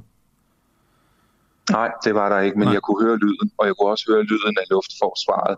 Øh, de, øh, i, I Kiev er der et ret udbygget øh, missilforsvar, og for hele landet, så det jeg læste i går eftermiddags, var det, at der var sendt øh, 83 øh, missiler ind fra Rusland, og også fra Sortehavsflåden, og ind over Ukraine, og de 43, øh, undskyld, de 40 blev skudt ned. Ja. Og så kom der sidst på dagen lidt flere, og hvad det så endte i i antal, det tør jeg ikke helt sige. Øhm, så du har så bevæget dig ud af... Ja, hvad vil du sige, Jens? Undskyld. Ja, nej, så det var et, et meget, meget stort antal. Mm. Altså, så stort antal har der ikke været siden starten af krigen, nej. altså de første uger. Nej, det er jo også billeder og, og historier og meldinger, som jeg tror mange af os tænkte netop hørt krigens begyndelse til, at det kapitel var ligesom, ligesom overstået. Ja, ja, og øh, i øh, forgårs øh, om aftenen, der åndede alt fred og ro, og, og jeg sad selv og, og nød min mad på for, fortorvsrestaurant, og øh, god stemning og godt vejr. Øh, så, så, så der har været en dejlig øh, sensommer øh, i, i Kiev øh, den sidste uge. Sådan 18-19 grader og solskin. Altså, hvad, det, det, det, det trækker jo folk ud, og øh, broen var, øh, at øh, Kærsbroen var blevet øh, delvist øh, sprunget i luften, var der stor glæde over. Så der, på mange måder var folk øh, glade i byen, og så kom så det her, øh, som, som helt sikkert har øh, gjort, at øh, mange er blevet øh, bekymret igen for, hvad der skal ske. Du har så efterfølgende bevæget dig, øh, der ud af byen. Øh, har du set nogle af de ødelæggelser, der er, der er kommet i, i GIF men på, din, på din vej ud, eller er du blevet skånet for dem? Øh, dem er jeg skånet for. Øh, det jeg så øh, var, altså i punkt 1, der var ikke blokeret for øh, trafikken, øh, og den anden ting jeg så, det er, at man havde opfordret folk til at øh, sørge for, at bilen er fyldt op, og øh, man skulle øh, sørge for at købe noget øh, fødevare og vand at have liggende på øh, lager øh, i, i de enkelte husholdninger. Nu er der altså rigtig velforsynet i Kiev, mm. øh, faktisk i hele Ukraine. Øh, så, så lige det med fødevarene, det gav altså ikke anledning til lange køer, men øh, benzinstationerne, der var lange, lange køer ved samtlige øh, tankstationer, jeg så. Øh, men, men der skal altså så også tilføjes, at senere på dagen i går, uh, da folk så havde fået fyldt deres biler op, så var tankstationerne stadigvæk åbne, og de havde stadigvæk benzin, øh, som man kunne købe uden at være i kø. Så det var altså kun lige midlertidigt. Jeg har også set, at der var nogen, der øh, omtalte, at øh, der var trafikkø ud af byen. Og det tror jeg altså kun lige har været bygherren, mens den var spærret af. Fordi da jeg kørte ud, var trafikken faktisk mindre, end den plejer at være i begge retninger. Den, øh, den ramte så, bydel så, så, her, så, den hedder har... Shevchenkif, så, så vidt jeg kan forstå. Det går min, min udtale ikke er helt uh, spot on. Ja. Øhm, Jens, altså, hvordan, hvordan fornemmer du ellers sådan generelt, at, at borgerne har reageret på, på de her eksplosioner? Ja, men altså, det, det er selvfølgelig med nervøsitet. Mm. Øh, men når det så er sagt, så, så ikke mere, end der var øh, umiddelbart efter, at Kærsbroen var angrebet. Øh, så, og, og det er jo selvfølgelig, om han kunne finde på at smide af våben, som man, man frygter allermest. Øh, men, øh, er det men man kæmper videre, frygt? og Ja, det, det taler folk om nu. Okay. Det gør de, ja. Fordi han har altså været meget åbenmundet med øh, sine trusler, altså Putin. Mm. Øh, så så det, det, er, det har man altså lagt mærke til. Men han har jo så dog været mere stille de sidste dage, efter at Biden sagde, at øh, det vil involvere øh, USA direkte i krigen, hvis det sker. Nu, nu sagde du, at du havde en, en planlagt tur ud af, af Kiev. Du sagde, at du var 70 km syd. Nej, hvad sagde du? Ja, øh, 70 km syd for på et dansk landbrug. Ja, Øh, det var jo så en, en, en planlagt tur. Har, har de her angreb ændret på øh, din lyst, han har sagt, øh, til at være i, øh, i Kiev og, og de her byer, eller, eller fortsætter du som, som planlagt? Jeg fortsætter som planlagt. Nu skal jeg altså så afsted til absolut lavrisikoområder. Jeg kører vestpå nu, øh, hvor jeg kommer ind i Ivano-Frankivsk, og, øh, og i den del af regionen, Øh, det er tæt på Slovak, øh, øh, Slovakiet, øh, hvor at ikke en eneste bombe på noget tidspunkt er faldet. Så, så det er så lav risiko som overhovedet er muligt. Så skal jeg så godt nok øh, derfra øh, i, øh, på fredag til VIF, øh, og den blev jo hårdt ramt i går. Der havde de, øh, der gik man, altså det man jo gik efter i Kiev i går, det var øh, trafikknudepunkter midt i myldretiden for at få øh, max, altså helt tydeligt for at maksimere antallet af civile tab. Øh, der kan ikke være anden forklaring på de mål, øh, fordi det var de helt store trafikknudepunkter punkter. Og så var der nogen, der ikke ramte særlig præcist. Der blev ramt en legeplads, og, der blev, og det, øh, et af universiteterne blev ramt. Og skæbnens ironi var i øvrigt, at den bygning af universitetet, der blev ramt, det var der, hvor lokalerne for russisk studier befandt sig. Ja, okay. altså, det er sådan næsten lidt komisk. Tragikomisk. Ja. Øh, men, Ja, ja, det er det altså. altså der, der er ikke, altså så, så, som øh, Levi øh, overlever fra Auschwitz sagde, der var ikke nogen dag, der var så dårlig, at der ikke var noget godt. og, og hvis man har overlevet Auschwitz, så er det altså et øh, voldsomt udsagn at komme med. Øh, så, så det er jo, det, man, skal, man skal også huske at se øh, det andet af det. Det er måske en meget men, sund indstilling til men, det. Ja, det er det øh, for at overleve. Ikke? Men, men nej, det ville ikke få mig til at, at ændre planer, og jeg ville heller ikke være nervøs for at være i Kiev, det må jeg sige. Altså jo jo, der faldt selvfølgelig mange missiler ned, men det er også en enorm stor by, så, så, øh, så sådan lidt kynisk, så må man jo sige, ah, man har altså statistikken med sig. Mm. Øh, det, så farligt er det altså heller ikke i, i forhold til at gå over gaden i myldretiden eller sådan noget. Øh, det er ikke fordi, jeg vil bagatellisere det. Det er selvfølgelig ikke. Og det er jo dramatisk, når et missil falder ned midt i øh, morgentrafikken. Altså selvfølgelig er det det. Men, men, men sådan, når chokket har lagt sig, så må man så også sige, at, at jo, øh, der var jo nogen, der blev dræbt, men det var også en by på næsten 3 millioner indbyggere.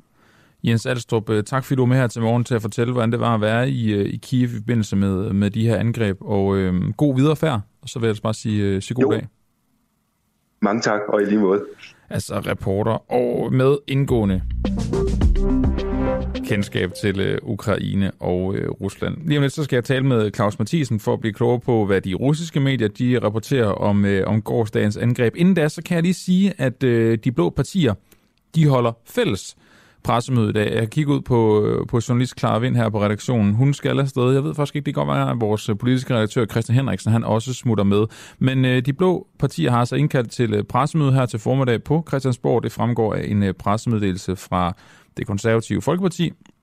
På pressemødet, der starter kl. 11, der deltager samtlige partiledere fra øh, de blå partier, det vil altså sige Venstre, Konservative, Liberal Alliance, Nye Borgerlige, Dansk Folkeparti og Danmarksdemokraterne pressemødet, det handler om at styrke danskernes frie valg. Hvad det så er for et valg, og øh, hvor frit det er, det, det må vi så blive klogere på. Der står ikke i øh, indkaldelsen, hvordan de her partier de vil gøre det. Øhm, det er afgørende, at velfærdssamfundet har borgerne i centrum og sætter den enkelte før systemet, står der i pressemeddelelsen. Det lugter nærmest lidt afbiokratisering. Det er godt, at, øh, at vi tager afsted med, øh, med klare i hvert fald til, øh, til det. Se, hvad der, kan komme ud af det. Vi øh, fortsætter som sagt med øh, at tale om, øh, om angrebet i, øh, i Kiev og andre ukrainske storbyer.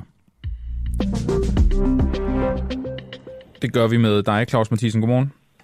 Ja, godmorgen, godmorgen. Lektor i russisk ved Forsvarsakademiet. Som øh, sagt, så lancerede Rusland det her angreb øh, på tværs af Ukraine, en række missiler i en række større byer, blandt andet hovedstaden Kiev. Vi to talte også om det i går, Claus Mathisen, men øh, nu kan jeg godt tænke mig at høre om, hvad, øh, hvordan russerne ligesom har reageret øh, på det. Øh, hvad, hvad sagde Putin i, øh, i sin tale? Jamen, øh, Putin var ganske, øh, om man så må sige, vred og frodende. Han karakteriserede jo angrebet på Krimbroen som en decideret terrorhandling, hvilket øh, man kan undre sig over i betragtning af, hvor vigtig broen er i militærhenseende i forhold til at få tropper og forsyninger ført over til Krim. Øh, og dermed er den et militært legitimt mål, når man tager fornødende hensyn til, til civilbefolkningen. Øh, men øh, det er det, man har. Det er den, det er den måde, man har set det på i, i Rusland man kan sige, et angreb på Krimbroen er jo ikke noget, russerne pludselig vågner op til. Det har jo været under optræk længe, og nu kom det altså måske ikke helt tilfældigt på Putins 70-års fødselsdag. Og det bruger han så, den her retorik, som jo også er med til at hvad skal man sige, forklare, at han så sender de her missilangreb afsted mod, mod de større byer i Ukraine, her blandt Kiev. Ja, det er rigtigt. Ja. Øhm, og uagtet, at der sådan set er nogen, kan jeg sige, der vurderer, at de her angreb godt, godt kan have været planlagt i forvejen. Okay. Men nu var, an, nu, nu var anledningen der faktisk til at uh, udføre dem, og ret massivt og på én gang. Og derfor kan man vel godt sige, at det var, uh, uanset planlagt på forhånd eller ej, så var det et gensvar på angrebet på Krimbroen. Det synes jeg også lå i den politiske retorik. Øh, til gengæld kan man sige, at de russiske angreb, som øh, er rettet mod tilsyneladende primært øh, store byer, tilfældige steder, og øh, elværker og anden vigtig civil infrastruktur, det har nok noget mere karakter af ulovlige mål i forhold til krigens love, end det ukrainske angreb på Krimbroen havde. Men øh, ting ser jo altid forskellige ud, afhængig af hvilken ende af kigger man kigger i. Hvad, hvad, hvad bygger du på det her med, at, at, at nogen siger, at det godt kunne have været planlagt i forvejen, det her angreb? Jo, men altså, det er jo trods alt øh, mange steder, man, øh, man har skulle øh, angribe, og vi ved, at russerne allerede var begyndt at lave angreb på det, vi kalder civil infrastruktur, har været angreb på nogle dæmninger rundt omkring øh, med formål, måske militært, at få vandstanden i nogle floder. Her tænker jeg blandt andet i Hersonde-regionen, øh, den, øh, den flod, der ligesom deler den ned i to, få vandet til at stige for at gøre den mindre passabel, sådan så det var svært for ukrainske styrker at passere henover. Men det skal så holdes op imod, at hvis man samtidig sætter et stort antal civile landsbyer og byer under vand, så er det altså ulovligt at føre krigen på den måde. Hvad, øh, hvad skriver de russiske medier om det her angreb i dag? Det er jo, øh, det er jo ikke noget, sådan andre danske medier rigtig, rigtig følger med i. Vi gør det jo lidt her hos os på den uafhængige, men, men, men hvad har du set indtil videre? Ja, men altså, de, øh, de, de slår jo ind i den samme tone, som den Putin lagde an. Øhm, det var lidt bemærkelsesværdigt, at faktisk i starten efter angrebet på Krimbroen, der var der en tendens til at prøve at nedtone det, altså at skaderne i virkeligheden ikke var så store. Og det fik i hvert fald mig til at tro, at det kan godt være et, et, en, en optakt til måske ikke at lave så voldsomt et gensvar. Men der blev lavet et voldsomt gensvar, og de russiske medier generelt er øh, vældig tilfredse med den reaktion, der er sket. Og det skyldes nu nok, at, at den, den lejr af høgene, som man kan kalde dem, dem der ønsker krigen mod Ukraine forstærket, den har et stort sag for øjeblikket. Det kan vi også se på for eksempel udskiftningen af chefen for den samlede operation i Ukraine. Okay, det, det synes jeg faktisk er meget interessant, Claus Mathisen. Vil det sige, altså i begyndelsen, så var medierne sådan omkring det her angreb på, på Krimbroen, det er ikke så slemt, det er ikke så alvorligt, og da retorikken så ændrer sig så hopper medierne så med på den med, at vi skal svare igen, det er et terrorangreb, eller hvordan? Ja, det synes jeg, det kunne i hvert fald fortolke sådan, at okay. Putin har travlt med at, om man så må sige, gøre høgene tilfredse, fodre høgene mm. med nogle lunser kød, så han ikke får skyld for ikke at reagere på, hvad der sker i Ukraine. Uh, og det synes jeg også, som sagt, angrebenes antal og karakter understøtter, plus uh, som sagt også skiftet af chefen for, for den øverste chef for, for hele operationen i Ukraine. Har, har Putin og Kreml ikke styr på deres øh, propagandamaskine, han har sagt, når, øh, når, når de går den ene vej, og så efterfølgende går den anden vej? Jo, det har de netop i høj grad, fordi man kan jo faktisk styre det, hvis man nu føler det nødvendigt øh, og belejligt. Og det kan godt være, at man først har tænkt, nu prøver vi at reagere lidt forsigtigt. Mm. Men da man så tænker, nej, vi bliver nødt til at, at bruge den store eller relativt store hammer på det her, så har man også tilpasset retorikken i medierne. Og der er nogle af de russiske medier, som virkelig altså går til den og forlanger mere krig. Der tales jo også i de, i de statslige debatprogrammer på tv om nukleare våben nærmest øh, i det uendelige. Men, men det er meget sjovt, for det er jo de to veje, man kan gå øh, i forhold til, til propagandafortælling. Ikke? At enten så taler man noget øh, ekstremt meget ned, eller også mm. taler man det helt vildt op. Det er sjovt, at vi her har, en, har det samme angreb, og, og den, det, den samme situation ligesom er blevet brugt øh, på begge måder. Og det kan godt være, at øh, der angrebet om sider, om man så må sige, kom, fordi det kan ikke være kommet som en overraskelse for russerne. Så har man måske lige et øjeblik vaklet og, og ikke været helt uh, sikker på, hvordan skal, hvad, hvad, skal reaktionen på det her være.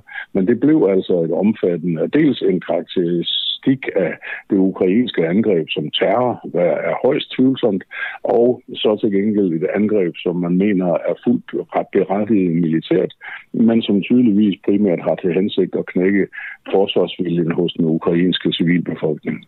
I forhold til, øh, til meldingerne både fra, fra Putin, Kreml og så også fra de russiske medier, er der sådan noget anderledes ved dem i forhold til, øh, til det her angreb foretaget af Rusland øh, og så de tidligere? det minder om de angreb, der blev lavet i krigens start øh, øh, hvor man også forsøgte ligesom at tage pusten fra ukrainerne allerede inden krigen for alvor var begyndt. Der angreb man jo også øh, store byer over hele Ukraine med, med krydsermissiler og ballistiske missiler. Øh, der var også nogle militære mål involveret, men der var også mange andre. Der har jo også været i mellemtiden en del angreb. Ikke så mange på Kiev, der har været lidt fredet et stykke tid, kan man sige, men på andre byer rundt omkring øh, har der sådan med mellemrum Kharkiv, Zaporizhia, øh, Dnipro, øh, andre byer har der sådan, også Odessa faktisk har der været øh, angreb med krydsermissiler og den slags, men med visse mellemrum. Claus Mathisen, lektor i russisk ved Forsvarsakademiet. Tak fordi du er med her til morgen til at fortælle lidt om, hvordan ja, russerne tak. har reageret på det her. God dag. Selv tak. I lige måde. Tak. Nu skal vi øh, fortsætte snakken om afbiokratisering, og det skal vi med noget så skønt som en, øh, en gæst i øh, studiet. Det er altid dejligt, når vi øh, kan få dem ind. Vedkommende skal lige på øh, plads. Det er dig, Jesper Havsgaard. Jeg bare tage det helt roligt. Du skal lige både høretelefon og mikrofon på, på plads. Øhm, Hårsgaard, tak. Jesper Hårsgaard, han er folketingskandidat for, for kristendemokraterne. Det vi skal snakke om nu, det er det her tema, vi har haft de sidste dage, nemlig om afbiokratisering i sundhedssektoren. Det er noget, alle politikere, jeg har lyst til at sige alle politikere, i hvert fald alle partier, på en eller anden måde øh, har berørt og gerne vil tale om. Det vi jo så bare gerne vil vide, det er, hvor konkret kan vi egentlig blive, når der bliver sagt afbiokratisering. Udover at det er et absurd kedeligt ord, så øh, er det et ord, der kan have betydning, hvis det betyder, at øh, der er stillinger, der skal forsvinde eller skal laves om i den offentlige sektor. Skal der for eksempel være øh, færre koldhænder? Det er jo også et udtryk, der bliver brugt. Flere varme? Skal nogle af de kolde blive til varme hænder? Og så videre, og så videre. Vi vil gerne blive klogere på det. Vi vil have, at politikerne er så konkrete som muligt. Nå, Jesper Horsgaard. Godmorgen. Godmorgen. Folketingskandidat for Kristendemokraterne. Ja. Hvor meget øh, skal der spares i byråkrati, ifølge kristendemokraterne? Må jeg ikke lige starte med at, at lige korrekt sådan noget, du øh, sagde tidligere? Fordi skal endelig. du nævnte, at øh, Blå Bloks partileder har indkaldt til pressemøde i dag, og du sagde, at alle de borgerlige ledere. Nå ja. Og det er faktisk ikke korrekt. Fordi, fordi øh, I er ikke med? Vi er ikke med, nej. Nu da, jeg overvejede faktisk også, om jeg skulle nævne moderaterne, men de er vel ikke. De er jo sådan lidt i... Ah, i men der er jo ikke rigtig nogen, der ved, om moderaterne Nej. de er rigtig borgerlige, men ved eller hvad, hvad jeg de er. Læste, jeg læste simpelthen bare højt af deres egen pressemeddelelse, så jeg, jeg vil godt tage den på mig, men, øh, men vi, kan lige, vi kan så tage den videre til, øh, til de andre partier også. Det er en fin rettelse. Nå, Jesper. Ja, øh, tilbage til emnet. Hvor meget skal der spares i byråkrati ifølge kristendemokraterne? Jamen, altså, øh, jeg ved ikke, om vi kan sætte et øh, direkte tal på, men vi kan jo pege på en af de steder, hvor vi rigtig gerne vil spare nogle penge og, og hvor mm. vi kan sige, at øh, pr- præcis hvad vi vil spare. Jeg vil godt tale tal med dig, men vi kan godt starte ja. ud med at sige, hvor. Jamen, øh, jobcenterne, det er jo et rigtig godt bud. Ja. Og, og der, der har vi jo i vores 2030-plan, der har vi gået ind og peget og sagt, at vi vil spare 1,5 milliarder på jobcentrene. Og hvad kommer det til at betyde? Jamen det kommer til at betyde øh, som udgangspunkt, at vi kunne godt tænke os at fast-track nogle af de medarbejdere, øh, som er i jobcentrene. Dem vil vi gerne øh, fast-track over i, øh, i sundhedssektoren. Rigtig gerne i psykiatrien, fordi det er der, hvor vi skal bruge en del af pengene i forvejen. Hvad betyder det, når du siger, at du gerne vil fast-tracke folk ja, fra be- jobcentrene over til psykiatrien? Ja, det betyder egentlig, at vi vil omskole dem lynhurtigt. Øh, der, er en, der er en hel del af de medarbejdere, der, der går over i, øh, i, øh, i, i, i jobcentrene i dag. Jamen, der er halvdel, cirka halvdelen af dem, det, er, det er socialrådgiver, den anden halvdel, det er HK'er. Dem kan vi godt bruge i psykiatrien. Så, Hvordan? Jamen, øh, der, der, der er i den grad brug for socialrådgiver i psykiatrien lige nu. Vi har, har brug for hænder derovre, vi har brug for, for, for hjerner.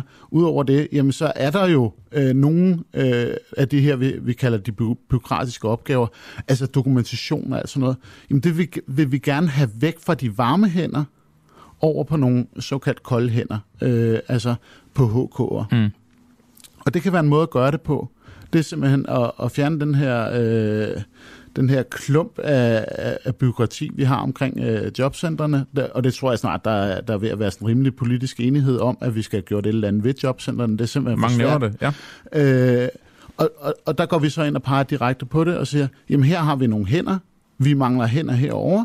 Øh, jamen så lad os få, få flyttet øh, kræfterne øh, og, og lad os så få, få den økonomiske gevinst med over, for det er jo selvfølgelig en del af den finansiering, øh, vi har fremlagt, hvor vi siger, at, øh, at vi, vil, vi vil øremærke 6 milliarder til psykiatri og handicapområdet. Det vil jo det er et af de eneste partier, der har, har gået ind og sat et beløb på, og den psykiatriaftale, der kom ud af, af regeringens øh, 10-årsplan, det var jo en halv milliard, og, og, og eksperterne, de, de, de siger, at der, der skal bruges 4,5 milliard.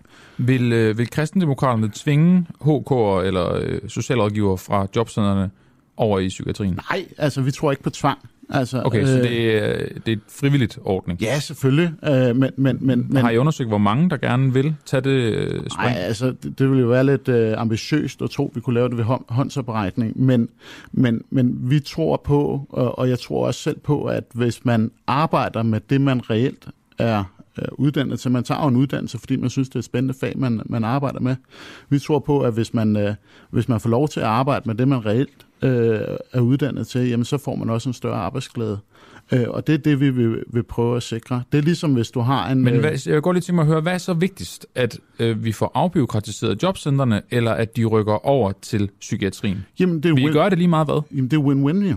Jamen, altså. jamen, det er det ud fra det synspunkt, at du tænker, at de kommer til at gøre det. Hvad nu hvis, at de ikke vil rykke over til psykiatrien? Vil I så stadig afbyråkratisere i jobcenteret, ja. fjerne socialrådgiver og HK? Ja.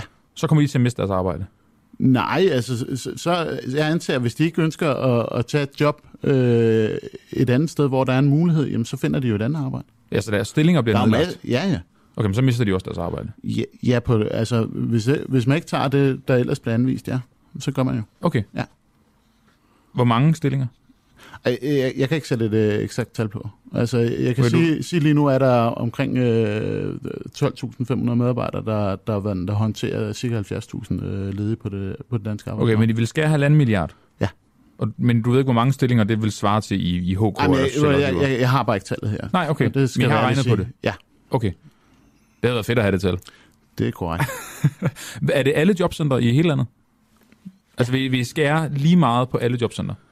Eller er der nogle steder, hvor der, der skal skæres mere end andre? Jeg tænker, der er nogle, nogle steder, altså, men det er jo på sektoren, vi, vi taler direkte. Okay. Ja. Øhm, som du siger, du kalder det en, en win-win. Man kunne også sagt to fluer med et smæk. Ja. Hvis jeres øh, strategi og plan virker, altså I siger til HK selvrådgiver på jobcentrene, I kommer til at miste jeres arbejde, vi vil rigtig gerne rykke jer herover. Hvis de ikke gør det, så mister de her folk så deres arbejde på jobcenterne. Det, det er jo godt at vide, hvis man, når man skal stemme det øh, til folketingsvalget, ja, ja, at, at det kigger man ind i. Ja. Hvad gør men sådan er det jo, men nu skal vi også bare holde fast i, sådan er det jo altid. Øh, og jeg, jeg synes, det er en forkert præmis, at man angriber nogen, der, der kommer ud med nogle politiske visioner. Men vi og ligesom, angriber ikke, vi bliver bare klogere men, på. Men, men i hvert fald, øh, øh, altså, fordi, fordi det, det bliver bare sådan her, hvis, hvis, vi skal, hvis vi skal finansiere nogle ændringer, så bliver vi nødt til at tage nogle valg. Selvfølgelig. Øh, og og det, det, det er jo så det, vi går ud og siger. Og det, på, det, det er slet ikke det, det handler om. Det er, det er bare godt at få det konkretiseret, så det netop ikke så vi ikke stopper ved, der skal afbiokratiseres. Ja, Hvordan skal det gøres? Ikke? Nå, men lad os så sige det her scenarie, som jeg tegnede op for dig før, som jo heller ikke, I ved jo heller ikke, om, om folk vil tage det her hår for jobcenterne over psykiatrien. det kan vi jo ikke garantere. Hvad gør psykiatrien så? Den bliver jo ikke forstærket, hvis ikke de ved det heller. Nej, det er, det, det er jo klart, men, men, men det, der har vi jo en, en stærk formodning om, at, øh, at, at det, det er jo en del af, af den styrkelse, vi kommer med. Men I ved det jo ikke. Nej, men der er jo aldrig nogen garantier. Er der andre måder, I kunne få på at styrke det på? Altså psykiatrien? Jamen jeg tænker bare, hvis, hvis I regner med, at der er HK og socialrådgiver, der gerne vil tage hoppet for jobcenter over psykiatrien, hvis ikke de vil det, hvad gør I så?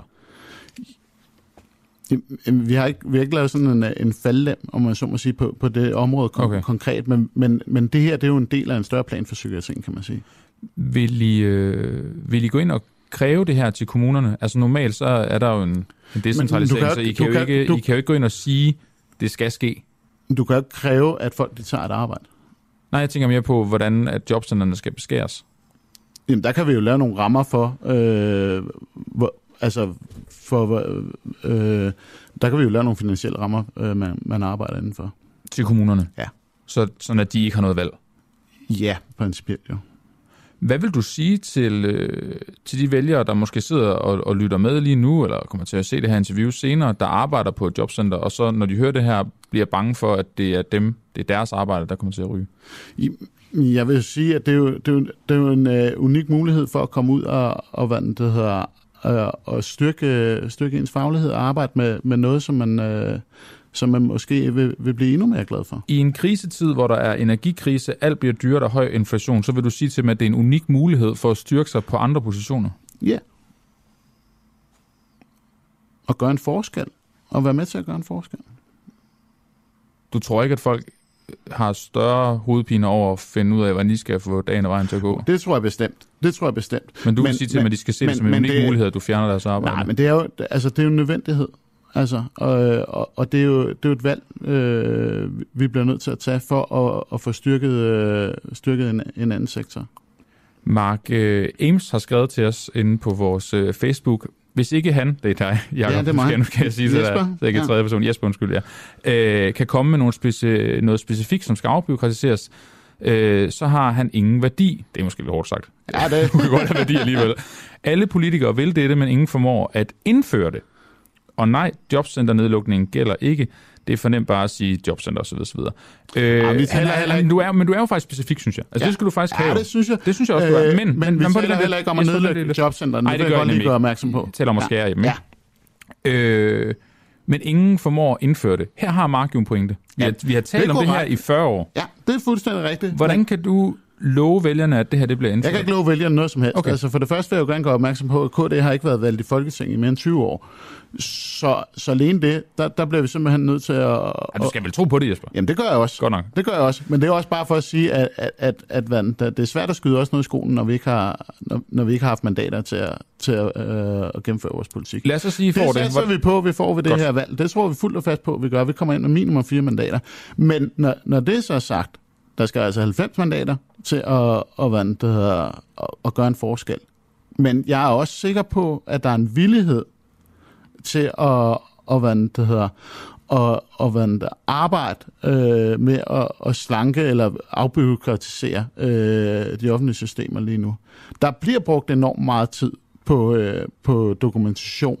Der bliver brugt øh, enormt meget tid på, om man må sige, altså, øh, CMA, altså cover my ass, for, for at sige det som mm. det er. Og det er jo noget, der kommer, altså det kommer jo af, af altså, øh, øh, altså det kommer jo af politisk pres. Det kommer jo af, at hver gang der har været en eller anden form for en skandal, jamen så har politikerne jo reageret, og nogle gange i effekt, for at, at sikre øh, men hvordan skulle de ellers reagere, hvis man oplever, at der er de københavnske jobcenter har jo blandt andet, for der, der har jo været sager, hvor de ikke har henvist den eneste til et job. Ja. Men når der kommer sådan nogle sager, hvordan skal man så ellers reagere, hvis man gerne vil holde øje med at finde ud af, om øh, et offentligt sektor, som vi alle sammen betaler til, gør deres arbejde ordentligt? Jamen, jeg er enig i, at der skal reageres. Jeg siger bare, at der, det har en tendens til, vi, øh, at, at, at accepten af, at der kan ske fejl, den er meget, meget lille. Og det gør nogle gange, at vi får skabt nogle systemer, som bliver meget, meget tunge. Også for tunge. Og når man lige pludselig skal øh, begynde at lave enormt øh, øh hvad det hedder, øh, kompleks dokumentation, øh, bare af, at øh, man giver en patient øh, øh helt almindelig håndkøbsmedicin, panodiler, præn og, og ting i den dur, jamen, så bliver det for tungt. Jesper øh, Hovsgaard, øh, lige her til sidst, nu, øh, nu vil du så tage nogle HK og socialrådgiver fra jobcenterne over til psykiatrien, hvis det står til jer. Ja. De medarbejdere, der er tilbage på jobcenterne, ja. hvad gør de? Skal de så øh, Jamen, de skal ikke arbejde løbe, dobbelt? De skal ikke løbe hurtigere. Der skal vi simpelthen have lettet byrden omkring dem. Altså, vi okay, skal det er også en del af udspillet? Det er det. Altså, vi, vi skal jo have, have været sikret, at, at, at, at, at hele den her... Øh, Hvordan skal de ikke løbe hurtigere? Jamen altså for eksempel har vi, vi har jo øh, øh, vi har jo øh, øh, øh folk inde i systemet, der, der, der går og venter på at blive, blive hvad anvist for eksempel førtidspension, hvor det tager år og dag, øh, og, og når vi siger år, så snakker vi rigtig mange år, og hvor der sidder øh, adskillige øh, medarbejdere ind over. Øh, alt for mange medarbejdere. Men jeg forstår stadig ikke, hvordan det kommer til at betyde, at dem, der er tilbage, får mindre arbejde. Jamen, det er jo blandt andet ved at fjerne nogle af de processer. Altså, vi vil jo gerne have, at de medarbejdere, der er tilbage i jobcentrene, ja, deres primære og deres eneste øh, funktion, det er at anvise jobs. Jesper Horsgaard, vi har ikke øh, mere tid. Tak fordi du kommer ind i studiet. Jamen, det var en fornøjelse. Det, tak, det er glad for, at du synes. Øh, Folketingskandidat for øh, kristendemokraterne. Vi skal videre nu til... Nej, vi fortsætter faktisk i afbryderiseringen. Og det gør vi med vores øh, politiske kommentator, Josefine Fock. Godmorgen, Josefine. Godmorgen. Josefine, vi to skal tale videre om det her med afbiokratisering. Nu ved jeg ikke, hvor meget du hørte af interviewet her med, med kristendemokraterne, men øh, du har i hvert fald hørt øh, interviewet med Peter Hummelgaard, som jeg afspillede senere. Eller ja, lige præcis. Ja. Øhm, Josefine, hvad var dine umiddelbare tanker, vil jeg egentlig gerne starte med at høre, da du hørte det her interview? Åh oh, ja, men øh, der får jeg virkelig rigtig mange tanker igennem hovedet på mig, fordi altså et eller andet sted, så snakker vi alle sammen om afbiokratisering, og vi hører alle sammen de der øh, dødssyge historier ude fra, øh, ude fra ja, rigtig, rigtig mange offentlige ansatte, som siger, at de bliver belastet af byråkrati, mm. og øh, så det vil vi jo rigtig gerne gøre noget ved som udgangspunkt. Men, men når jeg så hører det her, så, øh, så tænker jeg, jamen øh, det er så lige fanget op til lejligheden, det er lige fanget op, fordi nu skal vi have øh, valg, og Venstre og Konservative har jo også begge to været ude og snakke om afbiokratisering, så på den måde, der passer det meget belejligt ind. Og jeg synes jo i virkeligheden, Peter Hummelgaard kommer til kort på samme måde, som Venstre og Konservative gør det, når de ligesom skal forklare jamen, konkret, hvad er det så, der skal afbyråkratiseres, hvad er det for nogle regler, der skal fjernes, og hvilke øh, grupper skal så til at arbejde på en anderledes måde, og, og vil det få konsekvenser for afskedelse osv. Og det er det, jeg synes, vi ikke får svar på ved nogen af dem. Er Peter Hummelgaard bange for at sige ordet fyring her? Ja, det er han da øh, selvfølgelig. Altså, han, er da, øh, han er da rigtig bange for at støde offentlige ansatte fra sig. Øhm, og, og hvis man så ser på det indholdsmæssigt, så synes jeg også, det er rigtig uklart, hvad det egentlig er, de gerne vil. Fordi jeg tror ikke heller nogen ansatte på jobcentrene er imod, at der skal være færre proceskrav osv. Men, men det, man jo for alvor skal tage fat på, hvis man skal løse byråkratiet på arbejdsmarkedslovgivningen, som jo er kæmpestor, det er jo, det, det er jo alle de der kontrolkrav, man stiller ledige over for.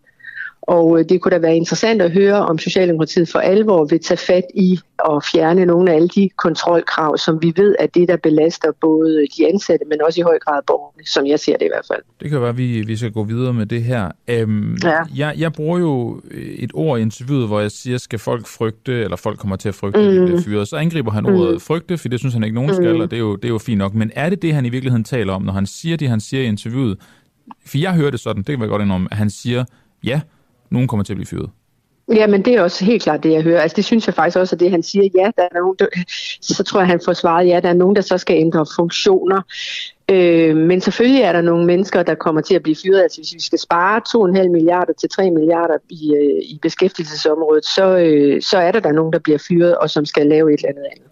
Er det, og nu spørger jeg dig virkelig så her, som også med din baggrund i politik, Josefine Fock, er det den smarteste måde at kommunikere det her ud på? Er det ved at gemme øh, de eventuelle konsekvenser, nu skal vi selvfølgelig også se afbiokratisering ske, øh, før vi kan snakke om, om konkrete fyringer. Det er jo ikke sket øh, rigtigt de sidste 40 år. Men er det, mm. er, det, er det som politiker den smarteste måde at fortælle om det her på, ved ligesom at, at gemme øh, fyringer, måske helt fjerne det ord, men gemme selve handlingen til, når det så engang sker. Så her op til valget, så siger vi bare afbyråkratisering, og så lader vi være med at komme ind på, hvem det er, og hvilke stillinger osv. Mm. Altså jeg synes jo, jeg synes jo personligt, at de politikere, som, som evner at, at fortælle øh, hele sandheden, altså hvad er det præcis, deres forslag indebærer, øh, vinder jo langt mere. Altså ved at være ærlig og sige, mm. hvad er det præcis, de vil. Fordi jeg tror jo virkelig, at Socialdemokraterne gik ud og sagde, jamen vi vil, vi vil fjerne nogle af alle de her kontrolkrav, og ja, nogle af de mennesker, der sidder og laver kontrolkrav, de skal så finde noget andet at lave. De vil blive afskedet, men, men vi har jo en lav arbejdsløshed i dag, og derfor vil der også være plads til dem andre steder, eller hvordan fanden de nu vil sige det. Ja. Men det der med at være ærlig og sige, at det har nogle konsekvenser, selvfølgelig har det nogle konsekvenser, når man vil spare 2,5 milliarder kroner. At grunden til, at det så ikke bliver sagt, nu kan vi tage Peter Hummelgaard konkret, men er det så frygten for, at der er folk, der så ikke vil stemme på dem, eller er det i virkeligheden et tegn på, at de ikke rigtig ved, hvordan de vil afbyråkratisere det, og om det kan lade sig gøre i sidste ende? Altså lige det her konkrete eksempel er det nok begge dele, men, okay. men ellers så hælder jeg jo til det første, ikke? at ja. det er jo fordi, man ikke tør øh, fuldstændig forklare konsekvenserne.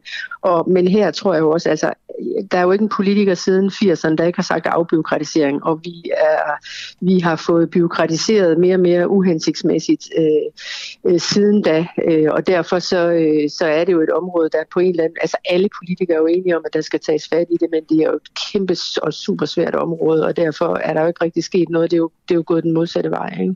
Så i virkeligheden, når, nu snakker de jo så meget om national kompromis og arbejde hen, eller hedder det, forhandlinger og, og, og aftaler hen over midten. Altså, det er jo her, de i virkeligheden skulle sætte sig sammen og sige, hvordan er det så, vi, vi vidderligt kan afbyråkratisere den offentlige sektor? Altså, hvad er det for nogle regler, vi, vil, vi, vil, vi for alvor vil, vil fjerne? Øh, så kunne det være, at man kunne komme lidt længere på det her område. Øhm, Josefine Fock, er de ikke også, hvad kan man sige, bundet på det her med, at de jo har svært ved vel at lave en lov eller en regelændring på borgen, der så øh, konkret betyder en eller anden fyring ude i kommunerne? Altså, der er ret jo, lang altså, vej derfra, ikke? Jo, altså, men lige præcis på beskæftigelsesområdet, der ligger jo en bunke centrale regler. Altså det der med, hvor, hvor, tit, skal du, øh, hvor tit skal en arbejdsløs henvende sig, hvor mange jobansøgninger mm. osv., det er jo national lovgivning. Men, men jeg tror da helt klart, at hvis Christiansborg turde frisætte kommunerne, altså sådan for alvor, og lod det lokale selvstyre øh, få frit spil, så tror jeg faktisk, der vil ske noget, fordi så sidder den, den konkrete leder sidder så meget, meget tættere på sine ansatte, og de ansatte sidder rigtig tæt på, på de borgere, borgere, de har med at gøre. Og så tror jeg faktisk, der vil kunne rykke noget. Men, øh, men, men, men altså Christiansborg bliver, for, altså bliver nødt til selv at gribe i egen barm og sige, at vi er nødt til at fjerne nogle af de her centrale uhensigtsmæssige regler. Lige her til sidst, Josefine Fox, så vil jeg godt bruge en, en anden af din, din baggrund, nemlig i fagbevægelsen. Øh, mm-hmm. Du har blandt andet arbejdet med, med sygeplejersker og så videre. Ja. I forhold til afbiokratisering og din tid der, jeg ved godt, det er nogle år siden, men alligevel, øh, hvor meget fyldte det dengang, og, og, og hvad var tankerne fra fagbevægelsens side af? Jamen det fyldte i virkeligheden altså mindst lige så meget dengang. Jeg var faktisk øh, jeg var med til at være i spidsen for det, vi kaldte en tillidsreform, hvor vi lige præcis sagde det der med, at de ansatte, altså der skal være mere tillid til, at den ansatte øh, øh, er med til at afgøre, hvad skal der ske konkret, fordi vi skal stole på den ansattes faglighed, det er den ansatte, der er tættest på borgeren og ved, hvad der skal ske.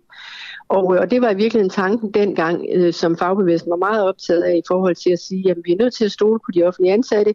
De har en faglighed, og de ved, hvordan de skal arbejde. Selvfølgelig skal de arbejde fagligt forsvarligt og inden for de øh, regler og procedurer, der nu gælder på det, på det faglige område, om man så må sige, når man har med, med mennesker at gøre. Men hvis vi turde sætte de ansatte fri, det var det, vi sagde dengang, jamen så vil man kunne komme noget af det her unødige byråkrati til livs. Altså det vil være en vej ind i det. Så, så, men det der med at bare skære, det kan jeg også se allerede, at flere fagforeninger har været ude og kritisere det her forslag for. Det der bare skære, og så uden konkret at kunne, kunne navngive, hvad er det egentlig, der skal ske, det, det er de ikke meget for, fagforeningerne. Josefine Fogg, det her til allersidst et, et, et, et lidt todelt spørgsmål i forhold til Peter Hummelgaard Socialdemokratiet. Mm. Et, tror du på, at, øh, at de får gennemført en afbiokratisering, hvis og så fald de kommer i regering? Og, øh, og to, hvornår tror du så, at vi kommer til at høre om, om eventuelle fyringer? Hmm. Øh, Altså lad mig sige, jeg håber jo på, at, at ligegyldigt hvem der vinder regeringsmagten, får taget, får taget hul på den kæmpe diskussion, det er, at vi har unødigt byråkrati. Og det er jo vigtigt at sige, at der er noget byråkrati, der er godt, mm øh, men der er også noget byråkrati, der er rigtig dårligt. Det, som, som både borgerne og de ansatte anser for, for spild af tid, det er som udgangspunkt dårligt byråkrati. Øh, og hvornår vi så får set fyringer, det kommer jo an på, jamen det gør man vi vel i den første, altså den første folketingsperiode, hvis de, øh, hvis, de, hvis de laver, altså det der typisk sker, det er jo, at man laver besparelserne først, og så kommer konsekvenserne bagefter, ikke? Og det vil sige, så ser man så konsekvenserne efter et år til to år, ikke? Josefine Fock, tak fordi du var med her til morgen, vores politiske kommentator. Vi kommer helt sikkert til at tales ved øh, mere i løbet af, af det her valg. God øh, dag. Det er altid. Ja, tak lige måde. Det er godt. Tak. Hej. Hej. Og på den måde nåede vi frem til øh, dagens øh, sidste interview. Det er med øh, Rasmus Jarlov fra øh, Konservativ. Han er alt muligt derinde. Han er blandt andet skatteordfører og finansordfører. Jeg tænker, det er det, der kommer til at fylde mest i forhold til, øh, til det interview, vi skal lave lige om lidt. Vi har øh, her på Den Uafhængige jo haft et fokus på de her 40.000 offentlige ansatte, som Mette Frederiksen påstod vil blive fyret som følge af konservativ økonomiske plan. Det har flere medier også, medier også, også skrevet om ud over os. Nu vil vi gerne tage den her lidt videre. Vi vil gerne høre, hvordan skal den offentlige sektor konkret gøre det bedre, ifølge konservative. Fordi øh, efterfølgende fandt øh, vi jo så ud af, at øh, vi og andre medier, at det ikke var tale om fyringer, der var tale om nogen, der ville forsvinde som en øh, del af en naturlig afgang, når man ikke vil lade den offentlige, øh, det offentlige forbrug stige som tidligere set. Det var, der var så også lidt en kamp om selve antallet mellem både Finansministeriet, konservative og eksperter osv. Men nu vil vi gerne diskutere noget substans. Det håber du er med på, Rasmus Jarlov. Godmorgen. Ja, godmorgen, selvfølgelig. Øhm, Rasmus Jarlov, du, du er, som jeg sagde før, skatteordfører, finansordfører blandt andet i, i konservativ. Jeg, jeg har valgt at dykke lidt ned i jeres skatteplan for at komme lidt videre fra de her 40.000 og det her, det her tal. Der, der er jo andet at tale om. I skriver øh, i den her skatteplan, at selvfølgelig kan man gøre tingene bedre i den offentlige sektor. Hvem er ja. man? Øh, det er først og fremmest ledelsen i øh, den offentlige sektor, og det er jo øh, både regioner, det er stat og kommuner. Okay, hvilken ledelse kunne det være? Det er politikere. Det er politikerne? Ja. Okay, og hvad er det så, de skal... Okay, så det er politikerne i, i både staten, hvad sagde du, kommuner og regioner. Hvad, hvad er det ja. så for nogle, øh, nogle ting, de her politikere konkret kan, kan gøre bedre? Ja, altså det samme, som de egentlig forbedrer sig på hele tiden, at de øh, jo hvert år, når de lægger budget, så prioriterer de. Øh, der bliver rykket lidt rundt på, hvordan man bruger pengene. Øh, ude i kommunerne, der har man jo en proces hvert år, hvor man prioriterer, hvor mange penge skal bruge på ældrepleje, hvor meget skal bruge på administration osv. Og der har vi jo så kunne se, at historisk set så forbedrer den offentlige sektor sig med øh, 0,5 procent om året, og vi har så antaget, at øh, det bliver den nok ved med, og derfor har vi lagt 0,4 øh, procents årlig forbedring ind i vores plan, altså lidt mindre, end der historisk er belæg for. Okay, så, så, det I mener, der skal gøres øh, bedre i de her sektorer, regioner, kommuner og stat, det er, at, at der skal bruges færre penge? Øh, nej, der skal produceres mere. Der skal produceres øh, mere? Ja, for den offentlige sektor får jo med vores plan øh, flere penge. Vi tilfører øh, 6 milliarder kroner i faste priser, og øh, det betyder altså, at man lægger inflation og lønstigninger oveni, og det vil sige, at man får øh, mulighed for at lave det samme, som man laver i dag. Man kan ansætte de samme mennesker, eller de samme typer af mennesker, og man kan købe de samme varer, som man køber i dag, men man kan også øh, få lidt mere. Men okay, så, men det, så det, de skal gøre bedre, det er, at de skal bruge pengene bedre? Ja, altså man, man skal jo prioritere, og så skal man også øh, blive ved med, øh, som man gør helt naturligt jo, at tage nye teknologier i brug, øh, og dermed øh, blive lidt mere effektiv og måske også øh, blive ved med at organisere sig øh, bedre og få nogle, nogle bedre arbejdsgange, øh, bedre uddannelser øh, osv. Altså en helt naturlig øh, forbedring af produktiviteten, som har været der i hele menneskehedens historie, og øh, som historisk i øh, en 10-årsperiode, der fra 2008 til 17, lå på øh, 0,5 procent om året. Når, når du siger det her med, at øh, arbejdsgangen skal forbedres, og der kommer nye teknologier, så bliver det for mig sådan en lille smule øh, fluffy. Øh, det, det, jeg synes ikke, det er så konkret i forhold til, hvad det er, der egentlig skal gøres bedre, og præcis hvordan det skal prioriteres. Har, øh, har, har, I, har I sat jer ned i det konservative og og tænk på nogle konkrete steder, hvor I siger, her kunne man gøre det bedre? Ja, altså jeg tror alle, øh, der har haft med en offentlig sektor at gøre, kan nævne nogle enkelte steder rundt omkring, hvor man har set, at, øh, at ting kan gøres øh, bedre. Så vi har der nogle, nogle enkelte bud på det. Øh, jamen nu, altså mit eget kendskab er bedst fra Københavns Kommune, hvor jeg har siddet i kommunalbestyrelsen i, i, i, i nogle år. Jamen det er helt okay. Og, øh, og, øh, og der ved jeg da, at man nok godt kunne spare på for eksempel antallet af journalister, som er ansat i kommunen, som er større end på øh, de fleste større øh, dagblade. Øh, man kunne nok også spare på øh, fodstøtter til cyklisterne. Måske behøvede man ikke have bistået i rådhuset, og øh, måske behøvede man heller ikke have så mange parkeringsvagter osv. Så, videre. så der er muligheder nok øh, for at øh, få noget mere vigtigt ud af sine, sine ressourcer.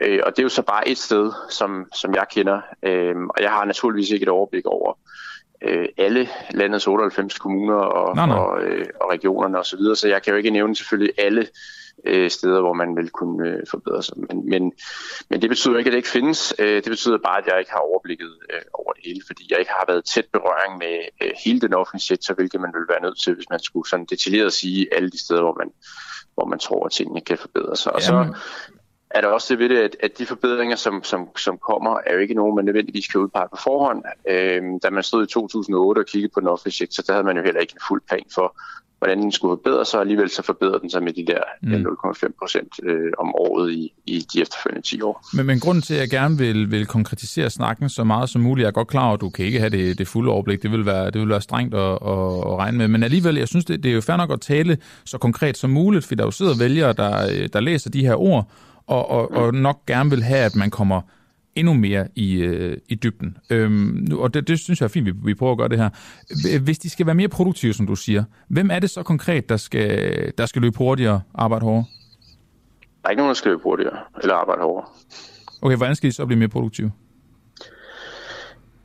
Ja, altså i, i hele menneskets historie, der har man jo forbedret sig blandt andet på grund af teknologiske fremskridt, og, øh, og det har vi en tro på vil fortsætte også i øh, den efterfølgende øh, periode af menneskehedens historie. Så vi, vi tror, at der kommer nye måder at, at gøre tingene med, mere effektivt på. Jeg tror ikke, vi i dag løber hurtigere eller arbejder hårdere, end man gjorde for, for 100 år siden, men vi er i stand til at, at, at lave øh, væsentligt mere øh, med den samme forbrugertid.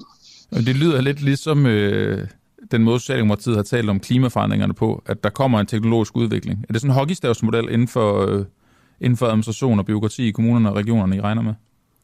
Synes du, det er en realistisk eller urealistisk forventning, at der bliver ved med at være uh, den slags fremskridt, som der altid har været? Nå, nej, nej, men det er bare for, det, jeg synes bare, det var, en, det var en fin sammenligning i forhold til, at du siger, der er nogle teknologiske ting. Vi ved bare ikke, hvad det er endnu, men det skal nok komme, og så, så bliver det nemmere at arbejde mere produktivt. Jamen, det, er, det er delvis rigtigt. Vi har en tro på, at, at, at øh, fremskridtet ikke er gået stå her i 2022, men også vil være der i, øh, i, i fremtiden.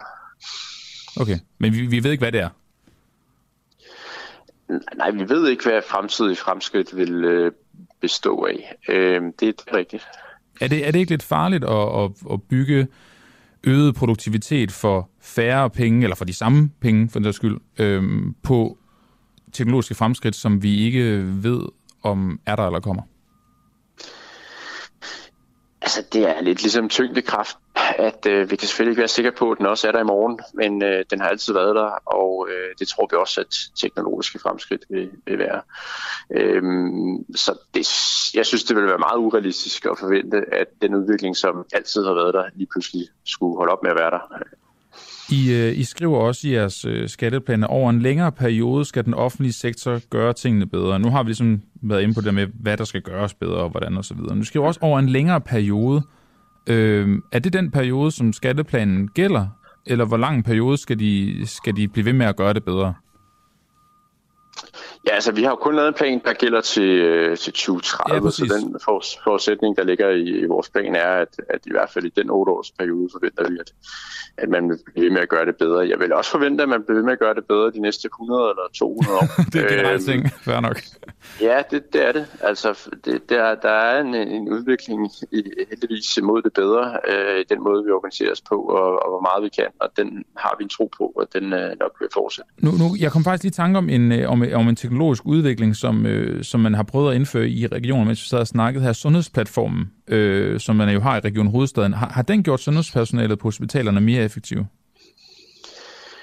Øhm, det ved jeg ikke nok om, men øh, den får meget kritik i hvert fald, så det er ikke sikkert, at den, Nej. den har det. Nej, okay. Øhm, I skriver også, at med de rigtige prioriteringer af vores alle skattekroner, er der både plads til mere velfærd og skattelettelser.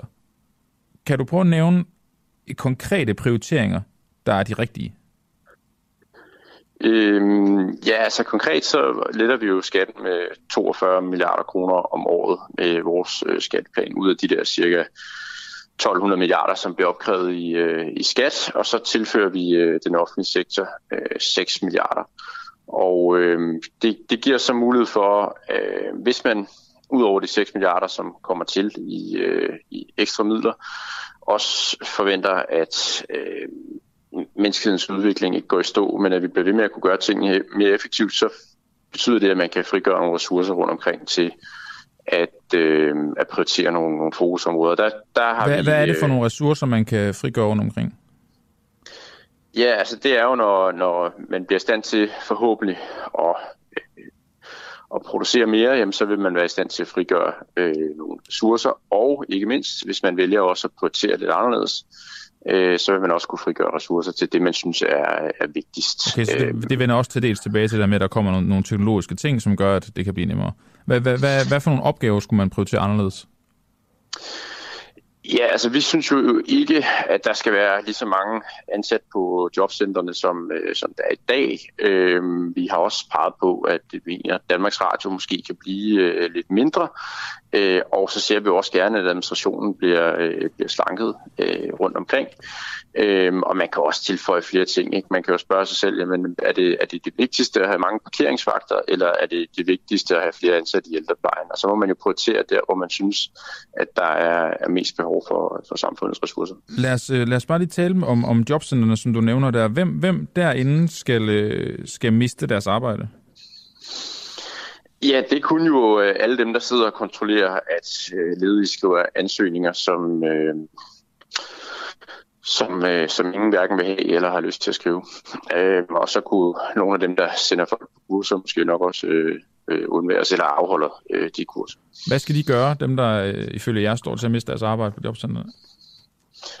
Ja, de skal så finde noget andet at lave. Øh, enten på øh, det øh, private arbejdsmarked eller øh, i det offentlige. Men altså, de fli, lang, lang, lang de fleste af dem vil jo, som du også selv nævnte, tror jeg, lige før jeg kom på, jo øh, bare være øh, naturlig afgang. Øh, vi taler om en 8-års periode, og der vil der være en øh, meget stor naturlig udskiftning. Men, men vil der være nogen, der, der bliver fyret? Ja, det ved jeg ikke. Altså, det, det, så, så detaljeret planlægning øh, laver vi ikke, fordi den måde, det fungerer på, er, at øh, kommunerne får et budget, og inden for det budget skal de jo så prioritere, hvordan de øh, gør tingene. Så, så vi har ikke kontrol over øh, præcis, hvordan kommunerne øh, prioriterer, og heller ikke, øh, om der konkret vil være øh, nogle enkle afskedelser rundt omkring. Men vil, vil du være imod, at der er nogen, der bliver afskedet? Øh, nej, altså det vil jeg jo ikke sige til, til kommunerne, at de ikke må afskede nogen. Det har de jo deres øh, fulde ret til, så det, det kan jeg ikke være imod. Rasmus Jarlov, øh, tak fordi at, øh, vi kunne tage den her snak lige her til allersidst, ikke? og det er ikke noget, vi har aftalt der, så det er okay, hvis du ikke vil, vil svare på spørgsmålet, det, det forstår jeg sådan set godt. Men øh, jeg faldt over øh, et, et tweet, du lavede angående øh, nogle coronavacciner i Florida, hvor, hvor de fraråder yngre mænd til at blive vaccineret med corona på grund af øget øh, risiko for hjernehindeinfektion øh, og lignende hjertesygdomme. Ja, og jeg kan forstå, at det er noget, øh, at du også føler dig ret misforstået i, i hele den debat, der ligesom øh, foregik der. Du skriver også, coronaeksperter har længere sagt, at øh, det oplevede jeg også. Nu er det Sydlands statistisk belæg for det til synligheden. Jeg vil bare lige høre dig her, øh, her til sidst. Altså, synes du, Sundhedsstyrelsen burde have frarådet coronavacciner til yngre mænd i Danmark? Det har jeg ingen som helst holdning til, fordi det har jeg ikke nok øh, overblik over. Okay. Øh, alle de undersøgelser, der er lavet til at, at kunne vurdere, det er deres job. Okay. Den, den undersøgelse, du linker til, den, jeg undrer mig lidt over, at der både mangler forfattere på den og, og, og peer reviews. Er det, er, er det smart at dele sådan noget som værende evidens? Jeg har ikke delt det som værende evidens. Jeg har øh, refereret, hvad Florida har besluttet. Øhm, så jeg har ikke skrevet noget om, om der er evidens Nej. i det eller ej. Okay. Hvad, hvad var det for en misforståelse, du, du følte, der, der kom i forbindelse med, med det her? Fordi man kan godt tage det lidt som sådan skeptisk over for corona-handling øh, i Danmark, når, man, når jeg læste det i hvert fald. Det var det, jeg bare tænkte. Øh, det ved jeg ikke. Altså, Nej. jeg har bare refereret, jeg synes, det er ret opsigtsvækkende, at Florida har truffet den øh, beslutning. Udmærket. Rasmus Jarlov, tak fordi du også lige gad at svare på det, når nu ikke vi havde, vi havde planlagt. Jeg faldt ja. bare lige over det i går. Øhm, okay. Vi tager ved. God valgkamp. Ja, godt. Hej. Og dermed ikke meget mere fra en uafhængig morgen. Og min side af i dag, således oplyst, kunne jeg også øh, runde af. Oliver Noppenau, han øh, stod bag knapperne ude bag regien. Clara Vind var øh, journalisten her til morgen, der hjalp mig med alt fra nyheder til interviews. Vi er øh, tilbage igen i øh, morgen selvfølgelig klokken, øh, klokken syv, som øh, vanligt. Jeg er ret sikker på, at det er Christoffer Lind, der øh, sidder bag mikrofonen i morgen. Det kan du så øh, passende glæde dig til. Jeg har ikke andet tilbage end at sige øh, tak for i dag, og så håber jeg, at du får en, øh, en skøn, skøn tirsdag. Hej hej.